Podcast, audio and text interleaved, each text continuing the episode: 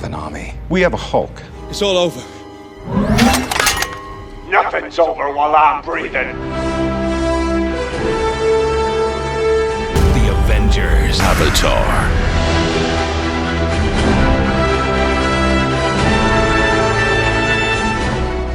Hallo en welkom bij Julius versus Jasper, de podcast waarbij we elke aflevering weer twee genrefilms bespreken. En aan het einde van de rit ons afvragen wat als nou één van deze twee films van de aardbodem moet verdwijnen, welke zal het dan zijn? Of we kunnen het ook iets positiever benaderen en zeggen welk van de twee films wil je juist behouden en wil je graag heel vaak nog een keer kijken de rest van je leven. En die vraag gaan we stellen aan mij, Jasper, en ook aan Julius. Hallo. En Julius, eh, ja, welke film van deze twee wil jij toch graag de rest van je leven nog kunnen kijken? Nou, rustig aan Jasper, want we hebben nog niet eens gezegd welke twee films het zijn. Nee, dat Dus, weten alle mensen ja. die de titel zagen wel.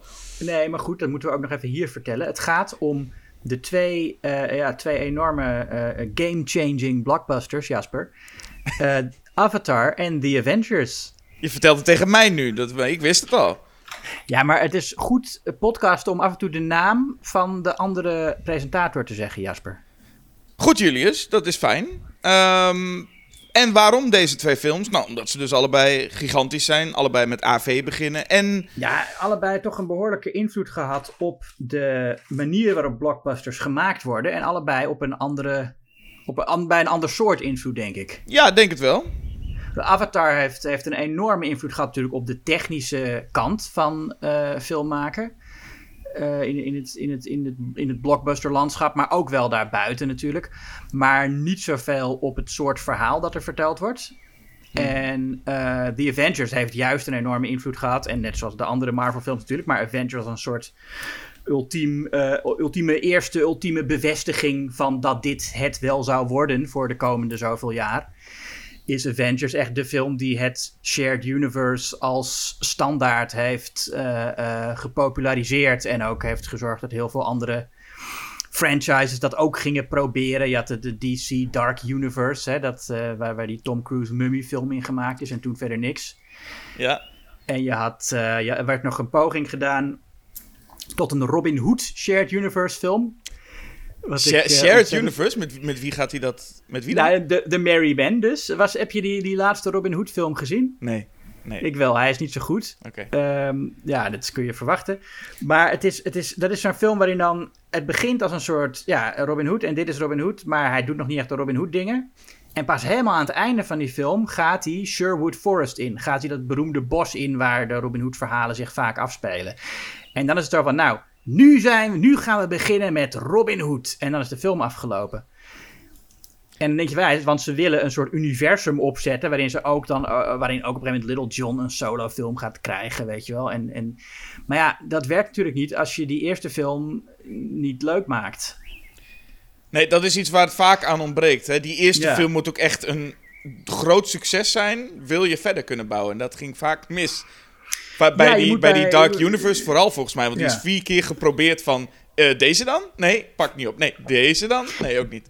En bij die Dark Universe begonnen ze ook meteen al. Dat was ook een beetje arrogant eigenlijk. Begonnen ze meteen al met van. Oh, ik ben Dr. Jekyll. Weet je wel? Zo van. eh, ja, eh, wa- wacht even. Tot je, tot je zeker weet of je een hit hebt. Ja, er is ook zo'n, eigenlijk zo'n hele arrogante foto met die hele cast. Met Johnny Depp erop Ja. en zo. En, en, en Russell Crowe. Dat je echt denkt, dit worden ze jongens. En dan, ja, het is een beetje pijnlijk. Johnny Depp, Johnny Depp zou de Invisible Man worden, toch? Ja, precies. Wat, wat gezien de echte Invisible Man film die er is gekomen wel eh, apart is. Dat had wel interessant geweest als hij die rol had gespeeld. Ja, Ja. ja.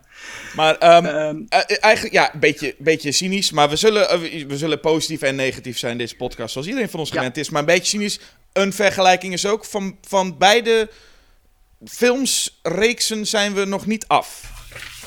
nee, er komt een nieuwe eh, Avatar aan. Namelijk Avatar The Way of Water. Ja, en, en er komen nog wel meer aan.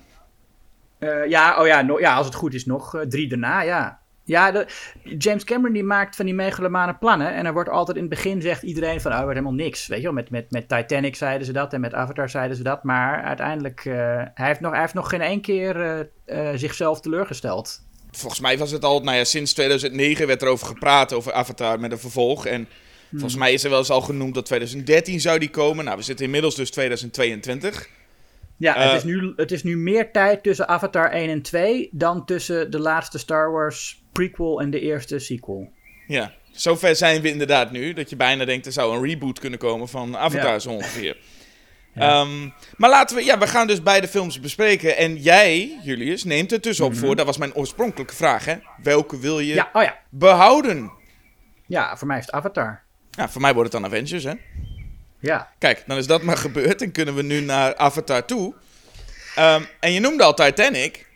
Mhm. En dit is dus de eerste eigenlijke, nou, volledige speelfilm na eh, Titanic van James Cameron.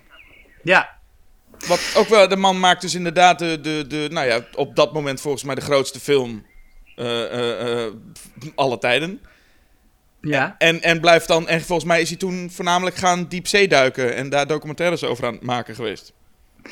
Ja, ja, nee, precies. En, eh, en ja, nee, maar hij heeft, hij heeft gewoon twee keer achter elkaar de grootste film aller tijden gemaakt. Dat is wel eh, bijzonder natuurlijk als je dat kan en doet. Zeker.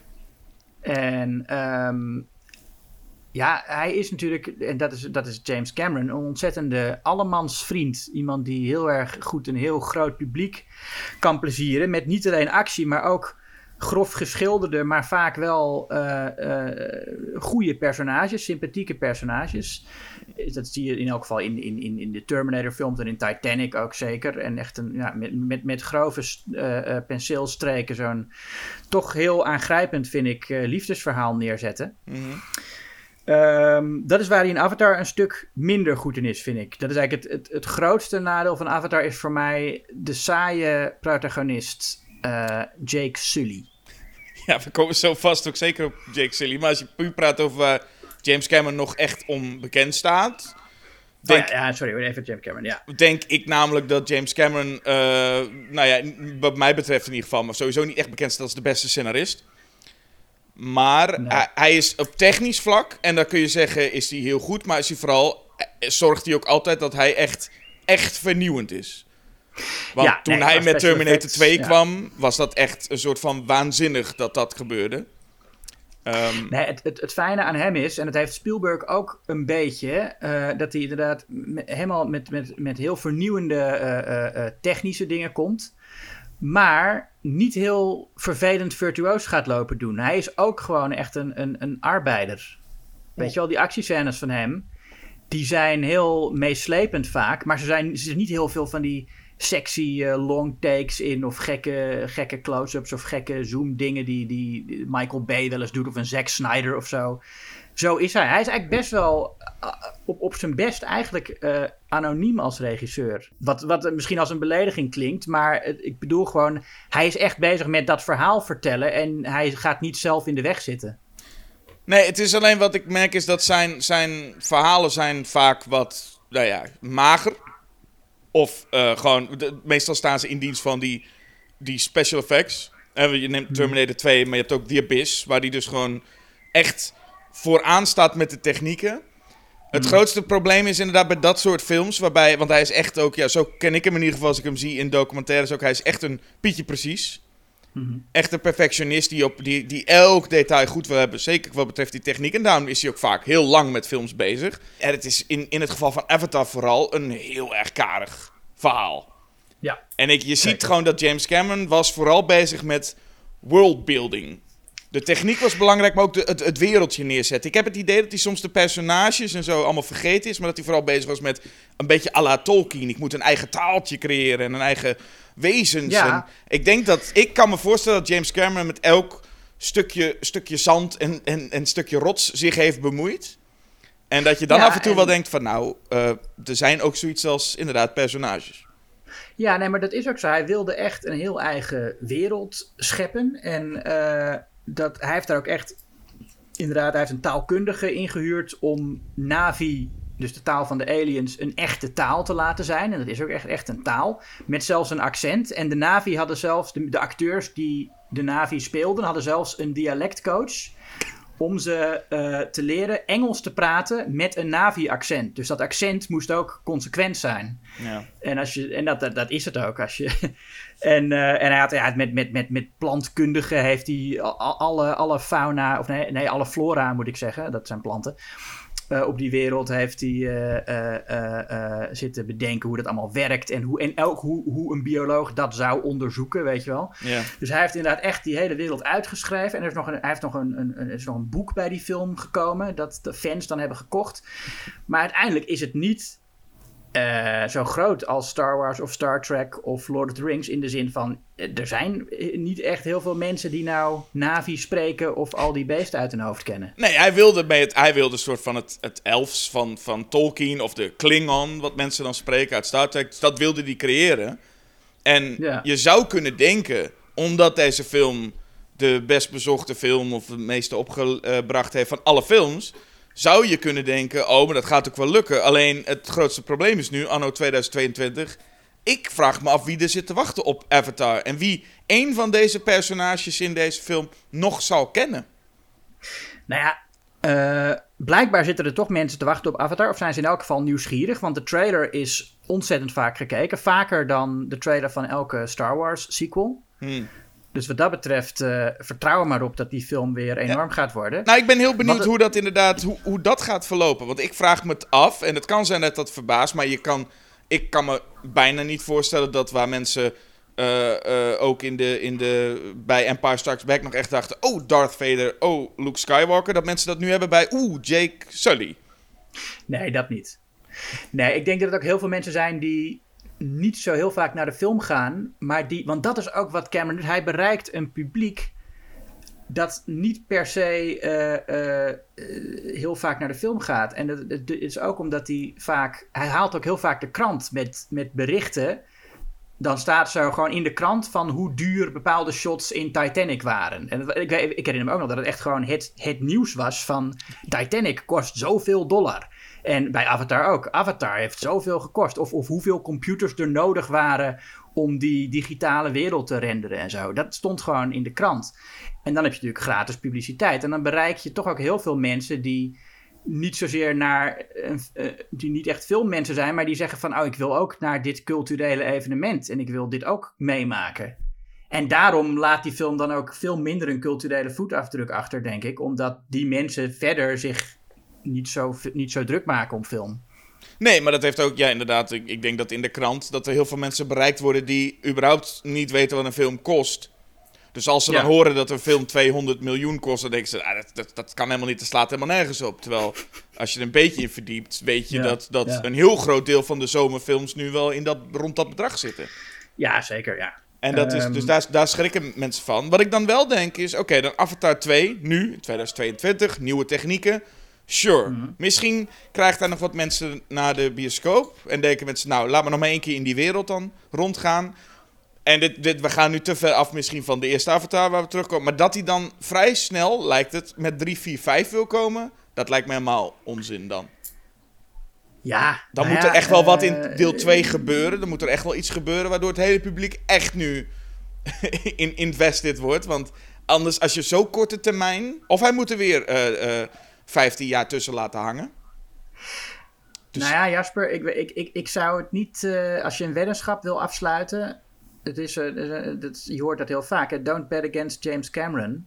Nou, ik vind het wel interessant om te doen. Want ik bedoel, de, de, de- dat- Ja, nou, zullen we het doen? ja, laten we doen. Gewoon, maar ik weet niet precies waar het dan op gaat. Maar laat ik het zo zeggen, ik verwacht weddenschap is. We gaan nog een weddenschap bedenken. Ja, maar ik verwacht er niet heel veel van. Maar goed, dat heeft dus alles ook te maken met, met nou ja, de eerste Avatar, waar ik geen liefhebber van ben. En elke keer dat ik hem kijk, Hmm. iets minder nog. Oh, er zijn trouwens wel mensen. Er was echt, nog, om nog heel even terug te komen. Er is, was, eh, ehm, in, destijds had je eh, fanforums, avatarforum.com. Waarop het best vaak, heel vaak eigenlijk, voorkwam dat mensen echt zeiden: van ik, ik, eh, ik vind die Pandora-wereld zo mooi. En ik wil daar naar terug en dat kan nou niet. En dat die mensen echt ja, psychische klachten hadden. Depressie zeiden ze soms. Ik denk dat dat dan een beetje. Ik weet niet of, of dat echt zo is. Of, of Ja. dat een beetje overdreven is dat je die ziekte erbij had. Maar in elk geval, was, die mensen waren wel Eh, die hadden echt er last van dat Pandora niet echt was, dat ze daar niet echt heen konden. Het is nou ook trouwens, eh, de, in, in, in Disneyland is een Pandora-nabootsing. Ja. Ehm, ja, het waren natuurlijk wel, moet ik erbij, het waren wel allemaal Amerikanen. Ik denk dat voor mensen die gewoon in een, in een normaal land wonen, zoals Nederland. Wij, hebben, wij kunnen gewoon naar het park, weet je wel. Wij, Ja. in Amerika heb je heel veel plekken waar je, niet echt, waar je ook gewoon niet echt kunt lopen, waar je met de auto moet. En ik denk dat het voor mensen die gewoon een beetje lekker ruimte hebben buiten, eh, eh, eh, fijner is. Nee, maar was het ook niet in een beetje dezelfde tijd dat, dat heel veel mensen ook zeiden: ik wil in, ik geloof World of Warcraft sowieso.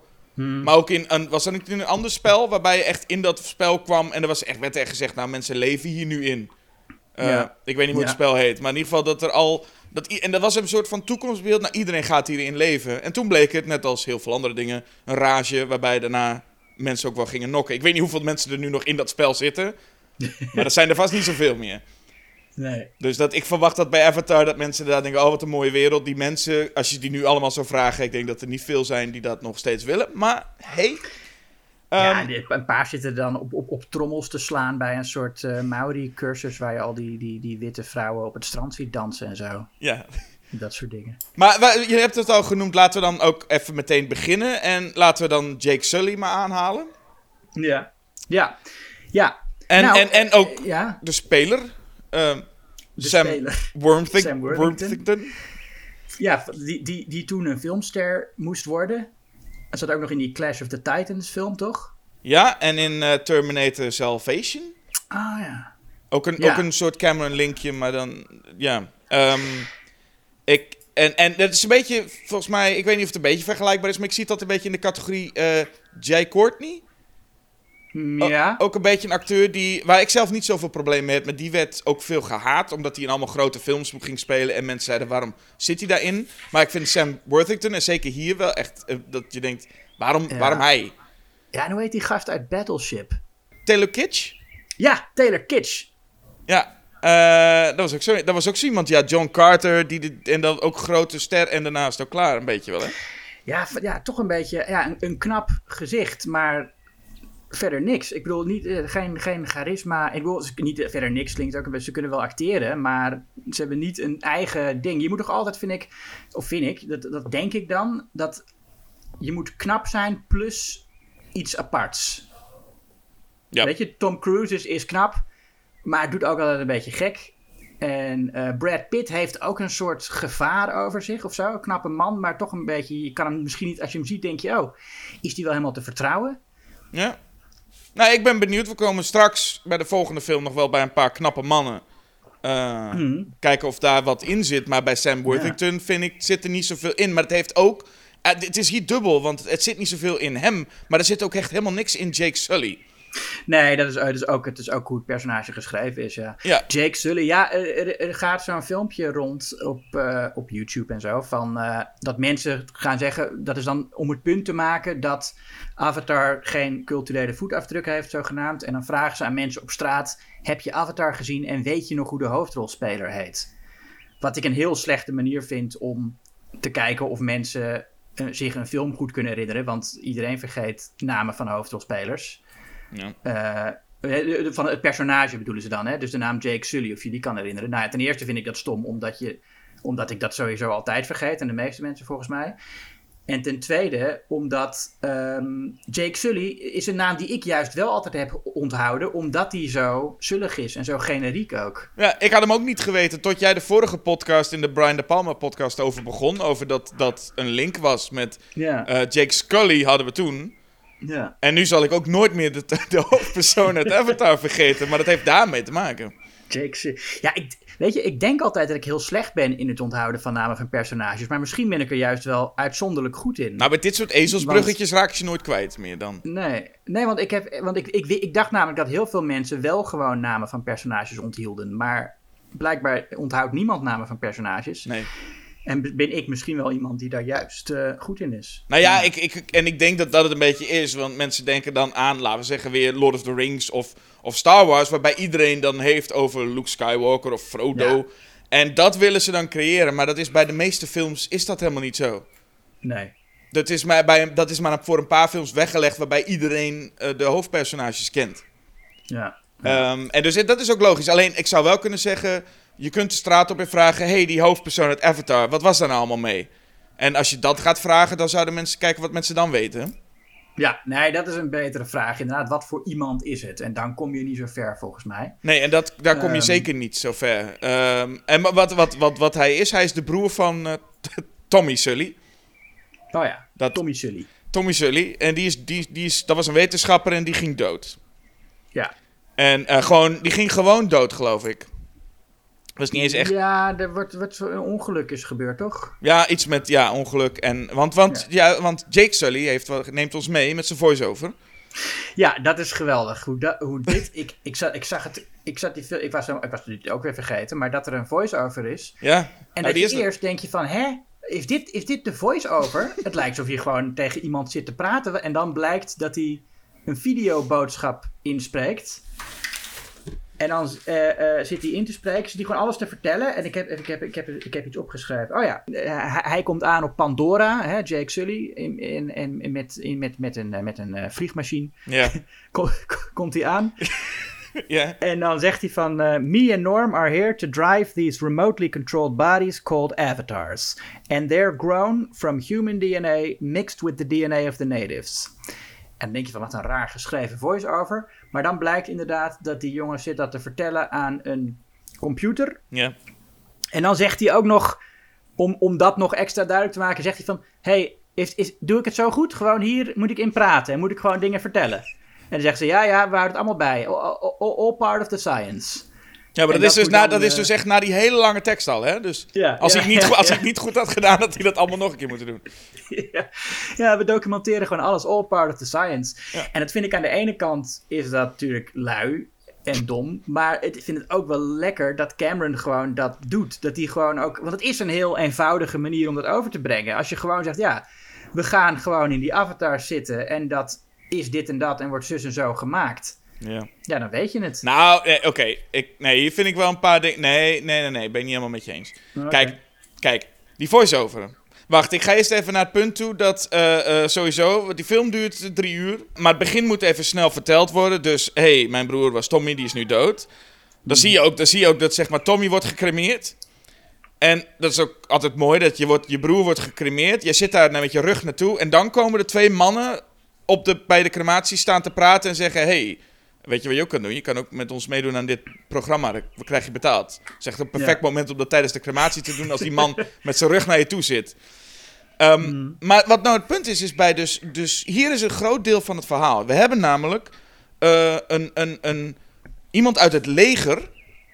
die nu een tweelingbroer is van iemand die wetenschapper is. Ja, Nou, daar voel je hem, toch? Dat is, dat is zeg maar... Dit wordt een stukje Armageddon van Michael Bay. Ja. Dit, worden, dit wordt iemand die totaal er niet mee om kan gaan. Die in die wereld komt, daar past hij helemaal niet. Want hij is van het leger en hij moet een wetenschapper zijn. Dat komt helemaal niet goed.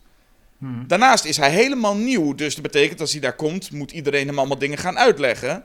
En dat is meestal toch de reden. Hij is nieuw, dus iedereen gaat dingen tegen hem uit- aan hem uitleggen. Dus dan voelt dan die voice-over nog extra... Je had eigenlijk al het element van... eh, Het element had je al om het verhaal te vertellen met... hey, een nieuw iemand, laten we dingen gaan vertellen aan hem. Maar nu gebruik je die voice-over. Dus dat is een heel rare stijlmiddel ineens. ja maar als, als, als het hem allemaal uitgelegd wordt, hij zou dat al weten als hij daar komt. Hij zou al weten dat hij in zo'n lichaam gaat zitten van zo'n beest.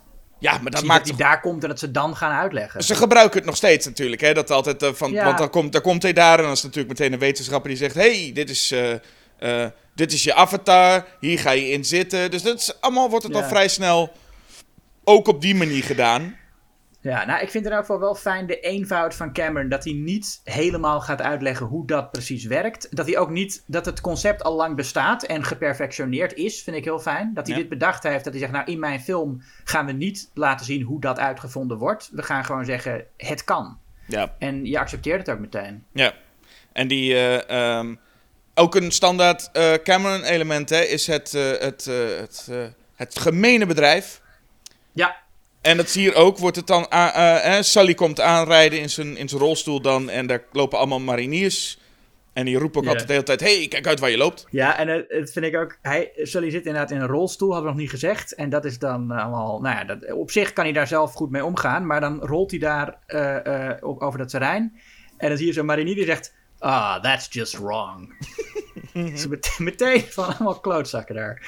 Maar een Ja. gast in een rolstoel. Ah, dat is gewoon niet goed. Dat kan niet. Nee, dat- terwijl eh, dus daar zitten dus ook allemaal wetenschappers. Dus dat, dat zegt Het is niet alsof je op een, alleen maar op een legerbasis bent. Nee, nee. Er zitten ook gewoon wetenschappers. Dus nou ja, dat, schijnbaar mag een wetenschap ook niet in een rolstoel zitten. Dat is just wrong. Ja, nee, en, maar sowieso in, in die avatar heeft hij daar maar geen last van. Dan kan hij gewoon lopen. Dat is ook zo'n zinnetje dan in zijn voice-over. Dan ziet hij die mariniers lopen en dan zegt hij... Here they're just hired guns. Taking the money, working for the company. En Ja. dat is wat, wat eh, Cameron ook... eh, ja, wat Cameron eigenlijk al meteen zoiets heeft van... Hè, the company. Oftewel, het werd een beetje Neil Breen-achtig, vond ik. Zo, Ja, zo van, he's working for the company. En dan zien we ook Sigourney Weaver. En die gaat naar haar baas toe. En dan zegt ze ook meteen... I'm gonna kick his corporate butt. Ja, Er wordt heel duidelijk een soort van... We hebben een... eh, ja, de baas. En wie is de baas? Dat is gewoon slecht, want die werkt voor het bedrijf. En dat is de, dat is de, de kwaaie. Ja, eh, Parker Selfridge heet hij. Ja. Dat ook, ja, eh, eh, eh, ik, ik, ik bedoel, James Cameron is in deze film wel goed in, het, in, het, in namen die een betekenis hebben. Dus het feit dat hij Selfridge heet, Ja. lijkt me ook geen toeval. Het kan ook iets anders zijn. Wat, nee, in ieder geval, ik neem aan dat je nu naar het punt toe wil. Want dat is eh, Giovanni Ribisi. Die ontmoeten Ja. we ook dat hij staat te golfen. Uiteraard, hè. Nou ja, ja, ja. ja. Hij staat aan het golfen. En, eh, en, en dan gaat hij het ook zo uitleggen. Dat is ook zo, zo typisch. We, zijn aan we zitten nog in het begin van het film. Want dan loopt hij naar... eh dit is een beetje Christopher Nolan, moet ik dan aan denken. Hij loopt met Sigourney Weaver naartoe en dan zegt hij... Dit is waarom we hier zijn. Legt Ja. hij uit aan een vrouw die al heel lang ook gewoon daar werkt. En dan Ja. pakt hij een stukje... eh eh unobtainium. Ja. Moeilijk te vinden. Ja, en dat is, gewoon, dat is inderdaad zo'n verzamelterm. Die gewoon bestaat voor iets wat, wat onbereikbaar is. En ik heb, soms, ik heb soms het gevoel dat dit een tijdelijk iets in, de, in het script was. Wat nog niet ingevuld was. Ja, dat zal wel, ja. Maar dat is, het is een beetje toch alsof ze in een film gaan zeggen van... eh, eh, dit, is een, dit is een MacGuffin, die moeten we hebben, jongens. Ja, nee, ja, nee, het is bijna een parodie. Het- ik, het- ik, vond het, ik kan het eigenlijk nog steeds niet geloven dat het echt zo heet, dat spul.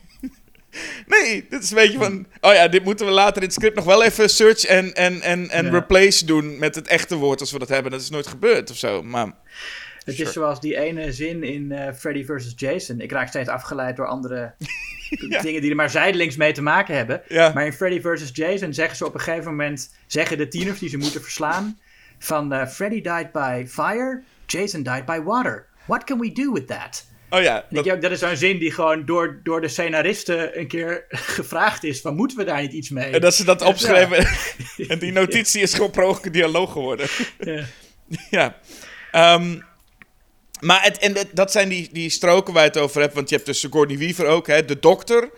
Die al, volgens mij al heel lang weet dat Jake komt. Maar zodra die dan aankomt rijden, Jake, dan zegt ze... Oh, ik wil dit niet. Ik wil hem niet. Ik wil zijn Ja. broer. Maar ja, die is dood. Ja. En dan gaat ze boos naar de baas toe. Die baas staat dus te golfen. En dan heb je nog de beveiligingsman. Echt wel een van mijn favoriete personages. eh, eh, eh, de beveiligingsman Steven Lang. Als we hem leren kennen, is hij aan het gewicht heffen. Eh, waarom noem je hem beveiligingsman? Hij is toch gewoon de generaal?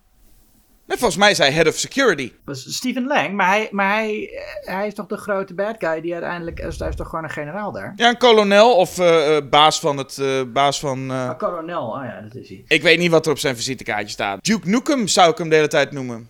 Eh, ja, precies. Nee, ik, ik zie het hier op Wikipedia. Eh, Colonel Miles Quaritch, Quaritch, the head of the mining operations security detail. Ja, oké, oké. Bij beveiliger dacht ik gewoon aan iemand die daar, die daar dat pand staat te beveiligen of zo. Maar Oh, gewoon met, met, met zo'n veetje op zijn borst en zo'n oortje. Ja, precies. Ik dacht, ik dacht zo iemand. Ik dacht, hè? Nee, nee. Maar nee, je hebt gelijk. Nee, nee oké. ja. Dat is dus allemaal die mensen die we leren kennen, hè? Ehm, ja, dat zijn allemaal lekker van die stereotypes die daar rondlopen. Ja. En, en da- da- da- daar rijdt in zijn rolstoel zo'n saaie, saaie Jake Sully doorheen. Ja, en wat is hij nou? Want op een gegeven moment eh, wordt over hem gezegd. Dat zegt dan eh, een van de Navi, als hij eenmaal in die avatar zit, zegt van: Nou, je hebt een, eh, een goed hart. Je bent dapper. Je hebt geen angst of zo.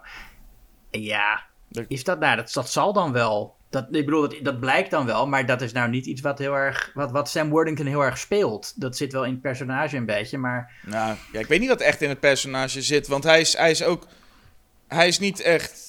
Nou, hij is eerder dom. Hij gaat meteen allemaal, allemaal dingen doen op die planeet die hij helemaal niet goed kent. En dan gaat hij aan al die planten zitten en... en eh, hij, is, hij, is- hij komt wat naïef over, maar ook dat. Het, Ja. en het is ook dat hij de eerste keer dat hij zijn avatar kan gebruiken, dan gaat hij allemaal rennen. En dat snap Ja. ik wel, want hij zat altijd in een rolstoel. Dus hij vindt het heel fijn om zijn benen weer te gebruiken. ja. Eh, maar dan komt Sigourney Weaver, die ziet dat. En in plaats van dat hij dan meteen een soort van terechtgesteld wordt... en dan krijg je zo'n heel ding van... ja, jij, jij past hier echt niet en je bent echt heel anders dan ons... zegt ze gewoon, oh, dit, is- dit, dit doe je wel goed. ja. Nou, ja. mooi, klaar. Ja, nee, dan ziet ze de waarde van een, een, een legerpersoon in die, eh, in die avatar. Ja, maar dan is het ook, dan is voor ons ook zeg maar de probleem. eh, Het lijkt daarmee gaat eigenlijk de problemen van. Oh, deze legerjongen, die eigenlijk de broer is van. eh, de- gaat, gaat helemaal weg nu. Je bent al vrij snel af van. Oh ja, het was eigenlijk zijn tweelingbroer, hè, die, die hier had moeten zijn. Dat ben je zo Nou ja, snel kwijt. Ja, nee, maar dat is wel van belang. Want het idee is, ze, ze hebben dus een geleerde nodig om die planeet te onderzoeken en ook om die Navi te onderzoeken en met hun te communiceren. Daarvoor zou je een geleerde hebben. Maar het is belangrijk dat hij een legerman is, omdat hij uiteindelijk ook in die oorlog moet gaan vechten. En, en zelfs die oorlog een beetje. Of nou, de, de Navi moet gaan leiden daarin. Dus ik, het, het is wel, eh, dat is wel nodig voor de plot. Dat, Ja, maar dat had, ik, eigenlijk. dat had ik ook wel kunnen. Dat had je toch ook wel met, met gewoon zijn tweelingbroer de wetenschappen kunnen hebben. Want die. Nee, dat is geen legerman. Ja, maar dat maakt er niet zoveel uit. Die, die andere. Die, die, die, die- hij, hij doet allemaal. heb je gezien wat, wat, wat hij allemaal doet? Nee. tijdens, die, tijdens die veldslag aan het einde. Dat hij allemaal mensen afknalt en zo. Dat, dat kan een wetenschapper niet. Maar die ene gast, die eh, Joel Moore, vecht toch ook mee? Ja maar, lang, ja, maar die zit niet met een machinegeweer over die vliegtuigen heen te rennen. Nee, oké, dus dat. op de grond. Maar ik zie gewoon in Zen hoe die, wat hij doet, zie ik weinig, eh, weinig dilemma van, oh, ik ben eigenlijk heel anders dan jullie wetenschappers. Hij heeft het, vrij, het trucje vrij Nee. snel door en gaat dan lekker eh, mee. En eigenlijk dat nieuweling, ja, het enige waarom je dat dus steeds eh, door bevestigd krijgt dat hij nieuw is, is omdat die Joel Moore, waar we het net over hadden, die collega, die gaat de hele tijd zo van... Oh, dat is eh, een, een grote god. En oh, heb je nog nooit gehoord van die zwevende bergen? Oh, de- de- hij gaat de hele tijd dat soort dingen zeggen. Ja, en, en- Sigourney Weaver als Dr. Grace blijft de hele tijd eh, heel geïrriteerd. Of blijft vrij lang heel geïrriteerd en, en onbeleefd naar hem doen. Wat ik ook wel erg irritant vond op een gegeven moment. Ja. Ik vind, ik, ik, ik, hij, dat is ook weer zo'n met grove, grove pen, penseelstreken. Dat zij, zij wordt geïntroduceerd, eh Sigourney Weaver, dan ontwaakt ze uit zo'n soort, hoe noem je dat? Zo'n eh, zo'n slaapapparaat waar je in gaat en dan eh, een paar jaar slapen. En dan zegt ze meteen, where's my cigarette? En dan houdt ze haar hand op en dan rent iemand ook zo weg en geeft meteen een sigaret. Wat wel een grappig momentje is, dat diegene zo meteen wegrent en een sigaret haalt. Ja. Ehm, maar zij wordt echt alleen maar de eerste 20 minuten van haar personage. eh, wordt ze alleen maar zo neergezet. Volgens mij. ja, maar dat, ik denk dat dat ook wel... Dat is ook volgens mij wat hier een beetje gebeurt. Vind ik normaal gesproken niet altijd erg. Maar volgens mij heeft elk personage... Heeft gewoon een één zinnetje gekregen van jij bent dit. Ja. En dat ben je. En dat is natuurlijk voor die... Voor die ik vind het bij de schurken het leukst. Dus bij eh, Giovanni Ribisi en, eh, en Steven Lang vind ik dat het leukste. Ja. Maar bij die wetenschappers is het eigenlijk ook gewoon een beetje zo. Want je hebt ook eh, Michelle Rodriguez, de, de eh, piloot. Ja, die heeft volgens mij ook... Ik, ik ga er vanuit één zinnetje meegekregen met dit zo'n soort figuur ben je en, en ga je gang. ja. Een, een- een Michelle Rodriguez type speel je. Ja, nou, dat is dus een type. ja. Ja, en die heet Trudy. En dat is wel, ik vraag me dan af, soms, deze film speelt zich af in, eh, eh, ik heb het net even bekeken, eh, wat was het, 2154 is het jaar. Hm. Denk jij dat de naam Trudy dan nog steeds zal bestaan? Of, of alweer. Of alweer? Ik denk dat Trudy even Soms weg geweest die is. namen, denk ik van, dat, dat, dat klinkt niet als een naam die je die, die je 100 jaar in de toekomst nog steeds zal hebben. Grace, ja, Dr. Grace Augustine, oké, dat is dan Sigourney Weaver, dat vind ik, dat vind ik. Maar Trudy, ja, Ja. Nor- Norm hebben we, Jake Sully. Ja, ik weet niet. Ik denk niet Ja, dat heel veel... Ja, nou, maar dat zijn details allemaal natuurlijk, hè. Ja. Nou, maar dat mag best. Eh, ook detail trouwens is dat eh, Sam Worthington, we hadden het net al even over de dialectcoach die de Navi heeft geleerd om eh, Engels te spreken met een Navi-accent. Die had ook wel even Sam Worthington mogen leren zijn Australische accent wat beter te onderdrukken. Want dat komt er soms gewoon keihard doorheen. Dat, Ja? je- dat ik ook denk, waarom speelt hij niet gewoon een Australiër? Dat kan toch prima? Ja, misschien bestaat Australië in, dat, in, de, in die tijd niet meer. Niet meer, dat zou nog wel kunnen. ja, dat zou kunnen. Ehm, en oké, dan gaan we maar de Avatar-wereld in. We komen in ieder geval, ja, Zoe Saldana komen tegen. Ja, Eh, hoe heet zij? Ik heb geen idee hoe zij heet dan. Eh, eh, ga ik even op- opzoeken voor je. Neytiri. Zij heet... Neytiri? Ja, Neytiri. Maar eh, dat zie ik nu ook gewoon een soort native heet ze dan eigenlijk. nou, verbaast me niks. Ja. Ehm, ja, Neytiri is dan de eerste inderdaad. Nou ja, dat is gewoon een beetje Pocahontas natuurlijk. Eh, hè, dat zij dan die, die, die Sam Worthington te pakken neemt en zegt van nou, eh, kom, ik ga je even laten zien. En dan zingt ze Colors of the Wind. Ja, maar dan- zij- ja want zij, zij wordt, wordt zij ontmoet hem. Nou, dat kan nog wel, dat snap ik nog wel. Je kunt elkaar ontmoeten. Maar daarna Mhm. Ja, gaat, ze, kan. gaat ze hem redden om, Ja. om bepaalde redenen. Daarna neemt ja, ze ze mee om bepaalde redenen. En daarna wordt ze verliefd om bepaalde redenen. Ze wil hem eerst schieten. Als ze hem ziet, ze heeft de pijl en boog klaar. Maar dan landt er zo'n eh, zo'n zo'n klein kwalletje, zo'n luchtkwalletje, zo'n, weet je wel, zo'n beestje landt op die pijl. Ja, En dat is dan, die zegt dan van niet doen, schat, ja, hij is goed.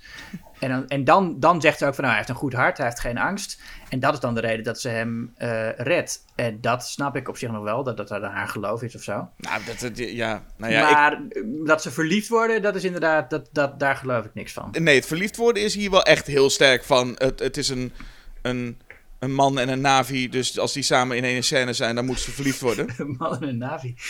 Ja, ik denk ook die. die eh, want ik heb nog niet gehad over hoe die Navi eruit zien, hè? Want ik was helemaal vergeten hoe naakt ze zijn.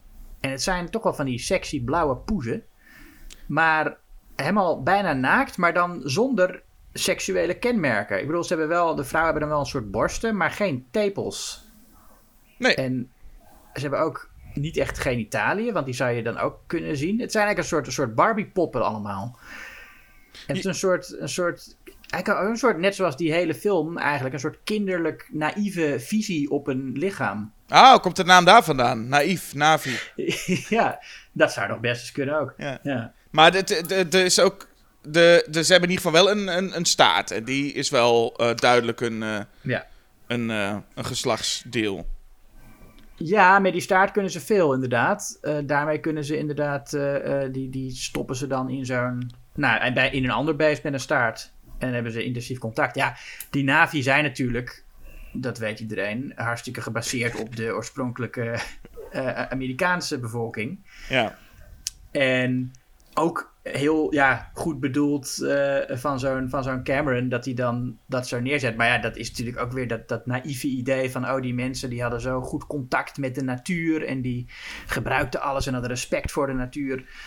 Terwijl in werkelijkheid was het zo dat die mensen daar ook gewoon... voordat de Europeanen kwamen, eh, bossen omkapten... en daar hun huizen bouwden en zo. Dat is allemaal niet zo eh, nobele, wilde, primitief als nu vaak wordt voorgesteld. Dat was gewoon ook een ja, een, een, een ontwikkelde samenleving waar, waar, waar natuur gesloopt werd. Ja. Dat, hij maakt het ook heel duidelijk dat de staart.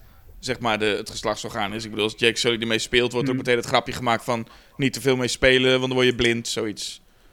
Ja, en hij, hij stapt op een gegeven moment ook op iemand anders staart.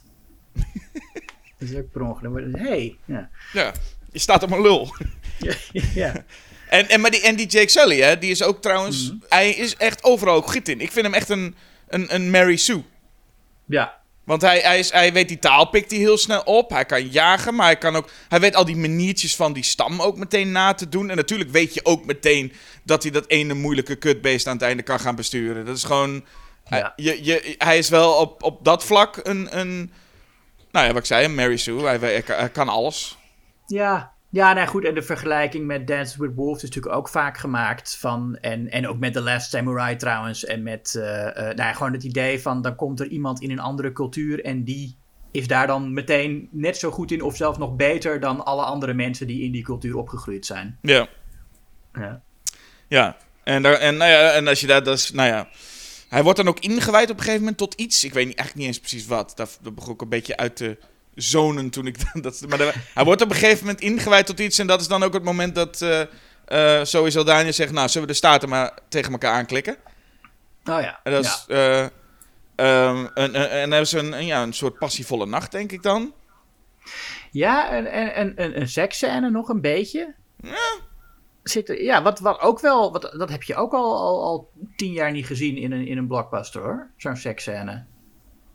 Het is dan wel niet expliciet, het is een beetje naïef en zo. Met, je bedoelde met, met, met de Titanic, refereer je naar? Of, of niet? Nee, ik bedoel gewoon überhaupt. Ik bedoel, nee, ik bedoel ook nu. Nu hebben we al tien jaar geen seks gezien in een, in een blockbuster. Nee, daarom zit ik ook met te wachten met, uh, op Avatar 2. Ik denk, hè? Ja, nou, ik ben wel benieuwd of wat, wat hij nou gaat doen. Maar, de, nee, maar ik bedoel, ja, in, in, om al even vooruit te stappen naar de Avengers. Daarin is, is, is een kusje al uh, veel gevraagd van die mensen. Nee, die mensen hebben ook wat anders aan hun hoofd. Maar, ja, nou, uh, hun toch ook. Wat, nou ja, goed, nog, nog niet. Want dit is een beetje net als Titanic, toch? Je gaat, je, ze hebben een passievol moment. En daarna gaat de, breekt de hel los. En dat is hier eigenlijk ook zo. Ze hebben dus, het is, er is nog net geen hand op een beslagen raam. Maar ze zijn in ieder geval ja. uh, flink met z'n tweeën hebben ze, het, hebben ze het fijn. En voor je het weet komt Steven Lang aanrijden met zijn. En die rijdt die hele, hele, hele bos plat. Ja, ja. Dat is ongeveer de. En dat is ook. Eh, hij rijdt het bos plat. Sigourney Weaver natuurlijk pissig. Die gaat meteen naar die Parker Selfridge toe. En zegt van, hé, hey, moet je niet doen. En dan begint hij zo te lachen. En dan zegt hij ook van, het zijn maar bomen. En dat, ja... Ja, dat, ja zij legt dan uit hoe die bomen allemaal werken. Hè. Zij zegt, zij heeft dat helemaal onderzocht. En ze zegt, ja, die bomen, dat is eigenlijk allemaal met elkaar verbonden. En dat is een netwerk met meer uh, uh, links dan in, in, in, de menselijke hersenen. Mhm. Mm -hmm. Maar inderdaad, die, die, die Selfridge, die, dat dan, die dan he, haar heeft, wel heeft ingehuurd als bioloog om dat te onderzoeken die gaat dan toch, als zij dan uitlegt hoe het zit, zegt hij: Nee, dat kan nooit. nee, precies. Ja, je zit op, je zit op een verre planeet, uh, kerel. Maar uh, um, wat ik, uh, de reden dat hij dat, dat hij dat bos weg wil hebben, is dat het anoptenium, hadden we dat al gezegd, onder die boom ligt waar, zij, waar, waar die Navi dan omwonen. Of deze, deze clan van de Navi, zoals ze genoemd worden. Mm -hmm. um, en wat ik ook leuk vond, en dat is ook iets waar we bij Avengers ook nog even over moeten praten. Uh, uh, de computers in deze film. Ja. Ze hebben dan. Ze willen laten zien welk deel van, de, van Pandora. Ook, dat is ook zoiets, hè? Die, die planeet heet gewoon Pandora. En verder heeft niks een eigen naam of zo. Het zijn allemaal sector 12 van Pandora. Hm. Uh, maar goed, en dan, maar dan, het is net alsof je, alsof je, naar, naar, alsof je zegt van... oh, waar, mijn, vlieg, mijn vliegtuig landt op aarde. In, in de westelijke zone van de aarde. maar dan hebben ze zo'n zo'n kaart van Pandora... Mm -hmm. die in de computer zit. En het is een soort... daar kun je dan doorheen scrollen. En het maakt allemaal herrie natuurlijk, allemaal bliepjes. En dan ga je zo met je vinger... moet je zo een soort 3D uh, uh, uh, weergave van die hele planeet. Moet je zo doorscrollen. En dan zegt hij van, we gaan nu naar sector 12. Go, go, go. Ho, stop! En dan moet je zo opeens dat ding tegenhouden. Oh ja. Zo, zo werkt dat kaartlezen daar. Ja, dat is, maar dat, dat volgens mij, een van de eerste keren dat we dat volgens mij echt goed zagen was, ik denk Minority Report.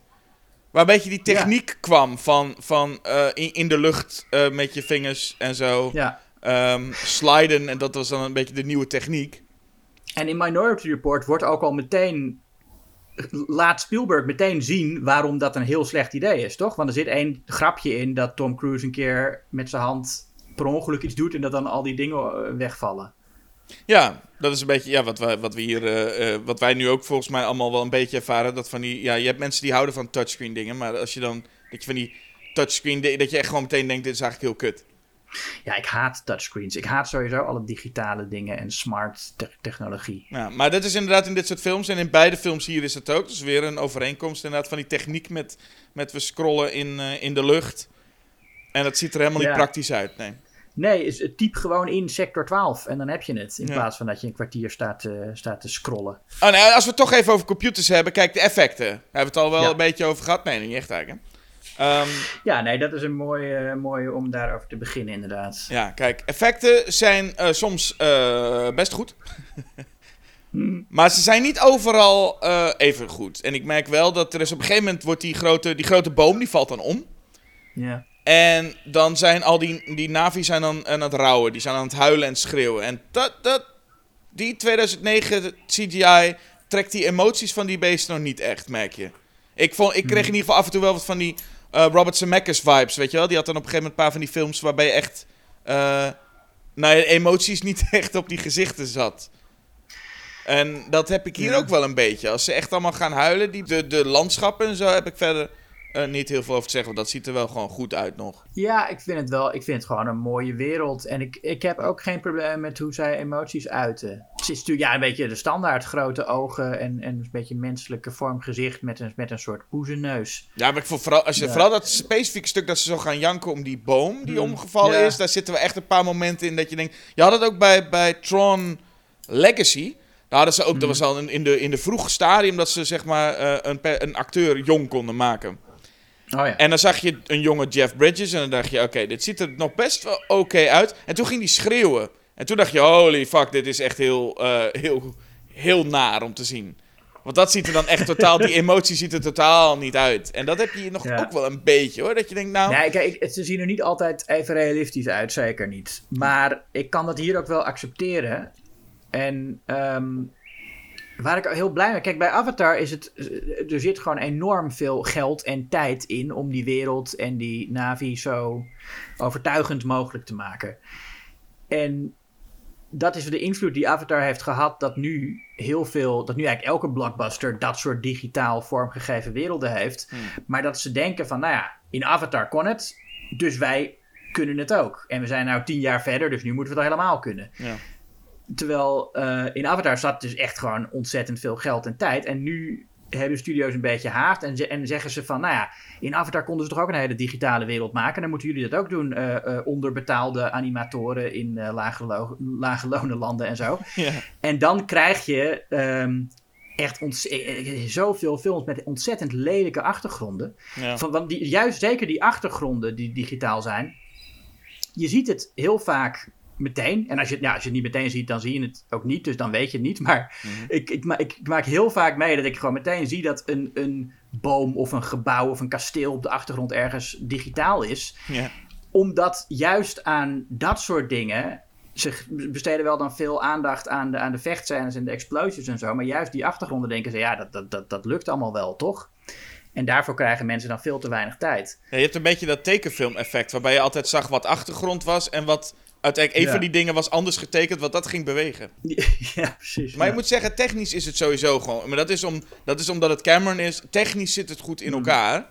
Eh, Ja. uit, uiteraard zit er. Ik bedoel, laten we eerlijk zijn. Je gaat Terminator 2 kijken. Je kunt echt niet zeggen dat alles de tand tijds- Ik bedoel, er zitten altijd effecten in Nee. die niet helemaal meer zijn. Maar over het algemeen staat het als een huis nog. Jij zei het net ook al. Er zijn mensen die deze wereld zo mooi vinden. Daar willen ze in blijven. Ik, ik, ik merk wel dat ik het niet een hele bijzondere... we- Ik, ik bedoel, wat het, ze komen met een paar dingen als zwevende rotsen. En, en verder een beetje jungle-achtig. Maar ik moet nou Ja. zeggen dat ik het nou niet heel, heel erg vind spreken. Nou, een paar coole monsters en een paar leuke plantjes. Ik vind die planten die Jake dan aanraakt, die dan helemaal zo vloep gaan, weet je wel. Het, scha- schijnend dingetje. Dat is, dat, Ja. is, dat is waar. Maar ik moet zeggen, nou, en, en, en dat ligt eraan waar je ermee hebt. Ik heb het bijvoorbeeld, ik heb het sowieso niet zo snel met dat soort werelden. Ik had het bij Lord of the Rings wel. Merkte ik echt dat ik daar die wereld en, en, en, en zo, dat ik dat iets meer een... Ja, daar kom ik iets meer mee. Ja, maar dat is ook wel. Dat, is dat dan ook omdat dat gewoon echt echte dingen zijn? Ja, dat weet ik niet. Het is meer gewoon qua design voelde het ook gewoon als nu voelt. Dit voelde gewoon heel erg jungle-achtig en een soort. Ja, je ziet wel waar. Het, het ziet er mooi uit, maar het is een beetje een standaardbeeld van mooi. Alleen met af en toe een gekke. Gewoon een Ja. rots die net niet doet wat een normale rots doet. Een boom die net even wat anders eruit ziet dan een. Het, het, ik vond het nou niet echt dat ik denk van dit is deze wereld. Is echt wauw. Nee, het is allemaal een beetje eh, ehm, alsof, alsof je Bob Ross zou vragen een fantasywereld te maken ook. Ja, dat hij dan zegt van weet je wat, we gaan deze rots gaan we eens een keertje hier doen. Dat is gek hè, deze rots hier. Dat is wel... Een vliegend rotsje. En het is nog steeds wel het, mooi, Het is, maar- het, is, het, is, het is inderdaad, het is een, het is een kidswereld natuurlijk. Ja, ik, ik denk, want ook, ook daar kun je Avatar wel een beetje mee vergelijken, is met, met een, een Ghibli-film. Of eh, in ieder geval een aantal Ghibli-films. Maar daar vind ik de, de werelden altijd wel nog iets mooier. Ja, nee, maar ik vind bijvoorbeeld een van de mooiste werelden in Ghibli, vind ik eh, die uit eh, Kiki's Delivery Service. Hmm. Wat gewoon een soort Europees-achtig stadje is waar ze doorheen vliegt. Maar ontzettend mooi. En daar wil je ook wonen. En in, en in My, My Neighbor Totoro wil ik ook graag wonen. Ja, maar daar, en daar Eh. vind ik dat het veel nog meer overkomt dan, eh, ja, dan hier. Maar dat heb ik sowieso. Je hebt het heel vaak bij eh, van die blockbusterfilms in andere planeten. Je hebt vaak een beetje een saaie. eh, eh, eh, ja, een, een beetje alledaags zoals deze, deze planeet is. Met veel zand of, of bos of zo. En dan zie je in de lucht een paar andere planeten hangen. Zodat je weet, kijk, we zijn op een hele andere wereld. Ja, nee, dat is al, maar dat werkt wel, vind ik hoor. Dat je, dat je dan inderdaad zo'n enorme maan hebt met een schaduw van iets anders erop. Of die twee zonnen in Star Wars is natuurlijk het klassieke voorbeeld. Dat, dat, voor mij werkt dat wel. Ja, maar het is, het is ja, nou ja, de- ja, bij Star Wars is natuurlijk inderdaad het punt dat op een gegeven moment werd het allemaal, we zijn nu in de zandplaneet, we zijn nu in het waterplaneet, Eh, dat het gewoon één onderdeel werd gekozen en dat was dan de, werd de hele De planeet hele omheen de gebouwd. planeet, ja. Ja. Maar, Ja, ehm, nee, het is, eh, nee, maar, nee, maar je hebt gelijk hoor. Het is, het is, het is kitsch. Het is eh, een beetje de standaard. Het is een, screensaver eigenlijk. ja. Gewoon wat je. ja, niet, niet super fantasierijk, nee. Maar wel. ehm, wat het fijne is aan Cameron is dat hij, hij heeft dan die hele digitale wereld waarin hij best veel vrijheid heeft om de camera te bewegen zoals hij normaal niet zou kunnen bewegen, omdat het toch allemaal digitaal is. Ja. Maar dat doet hij niet zo vaak. Hij doet eigenlijk meestal alsof het gewoon een echte wereld is qua camerabewegingen. En wat je nou in eh, heel veel van die nieuwere blockbusters ziet, en zeker de, de Marvel-films, is dat omdat het een digitale wereld is, laten ze de camera gewoon heel erg lang overal doorheen zwieren, zoals je met een echte camera helemaal niet zou doen als het een echte wereld was. Ja. Waardoor je ook veel meer voelt dat het niet echt is. Ja, of als je, als je Spider-Man eh, salto's ziet maken door de lucht en ergens weer heel mooi neer ziet komen. Ja, dat, dat, dat, ik, ik, ik weet, dit is niet alleen omdat, het, omdat ik weet dat het een tekenfilm is, is het een tekenfilm, maar ook gewoon, eh, dit, dit voelt helemaal niet meer echt. En Cameron die houdt het wel echt eh, eh, alsof het echt is. Die, die Navi, dat zijn gewoon, dat, zit, er is ook heel veel met, eh, hoe noem je dat, met motion cap gedaan. ja. Dus daar zit ook wel gewicht in. En, maar ook de shots waar het geen motion cap is, behandelt hij ze gewoon als echte wezens. Mhm. En je ziet ook sommige van die shots lijken ook eh, handheld. Terwijl ze gewoon puur in de digitale wereld zitten. Volgens mij eh, is dat helemaal niet handheld. Maar het is een beetje, een beetje, een beetje bewegerig. En soms lijkt het een helikoptershot. Maar dat doet hij het ook met de beperkingen die een helikoptershot in het echt zou hebben. Waardoor het allemaal veel overtuigender wordt. Ja, ik kan me best voorstellen dat dat iets is wat men ook zoveel mogelijk moet doen. Omdat je nu alles kan. Maar je moet eigenlijk gewoon Ja. iedere keer denken bij elke shot van... Ja maar, ja, maar kan de cameraman dat wel zo hard Ja. rennen of zo? Maar nu is het inderdaad, alles gaat er... eh, gaat, gaat vloeiend overal doorheen. En dat mis je wel. Nee, ik, ik snap je punt wel. Dat, dat, dat mis je wel iets als men te veel de camera overal maar heen laat eh, gaan. Ja, ik vond ook wel te gek trouwens wat, wat Michael Bay deed in Ambulance. Ik weet niet of je die gezien hebt. Nee, niet gezien, nee. Maar daar heeft hij de drone ontdekt. Ja. En dat, nou ja, dat Ambulance is wel echt. eh, het is een Michael Bay film met een goed script. En met een goed script kan Michael Bay gewoon prima een goede actiefilm maken, blijkt. En, Met een slecht eh, script kan Michael Bay ook best wel een prima actiefilm maken hoor. ja? Bad, Wat dan? Bad Boys 2 is geen, is, geen, is geen goed script. Nou, Bad Boys 2 is ook geval apart. Dat is, dat is, een, dat is, dat is geen film. Dat is een, een, een soort eh, gestoord meester. Het is een van de slechtste films aller tijden en ook een meesterwerk.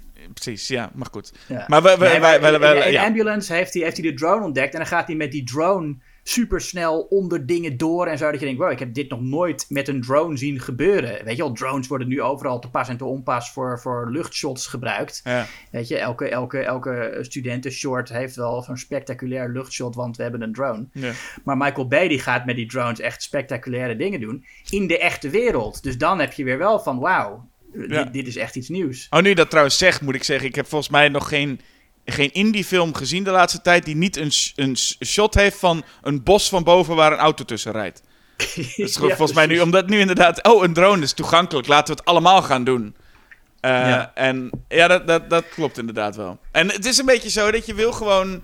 Ik, ik zie die, beeld, die geweldige beelden voor me van. Volgens mij is The Raid of The Raid 2. Waarbij ze Mm. een achtervolging hebben. Waarbij de camera wordt doorgegeven door een auto heen. Ja, ja, ja. En dat je denkt van, dit, dit is wel tof. Alleen, ja, omdat het nu zo makkelijk gaat met de computer, denk je, ja, maar dan, dan, is, dan verliest het wel zijn impact.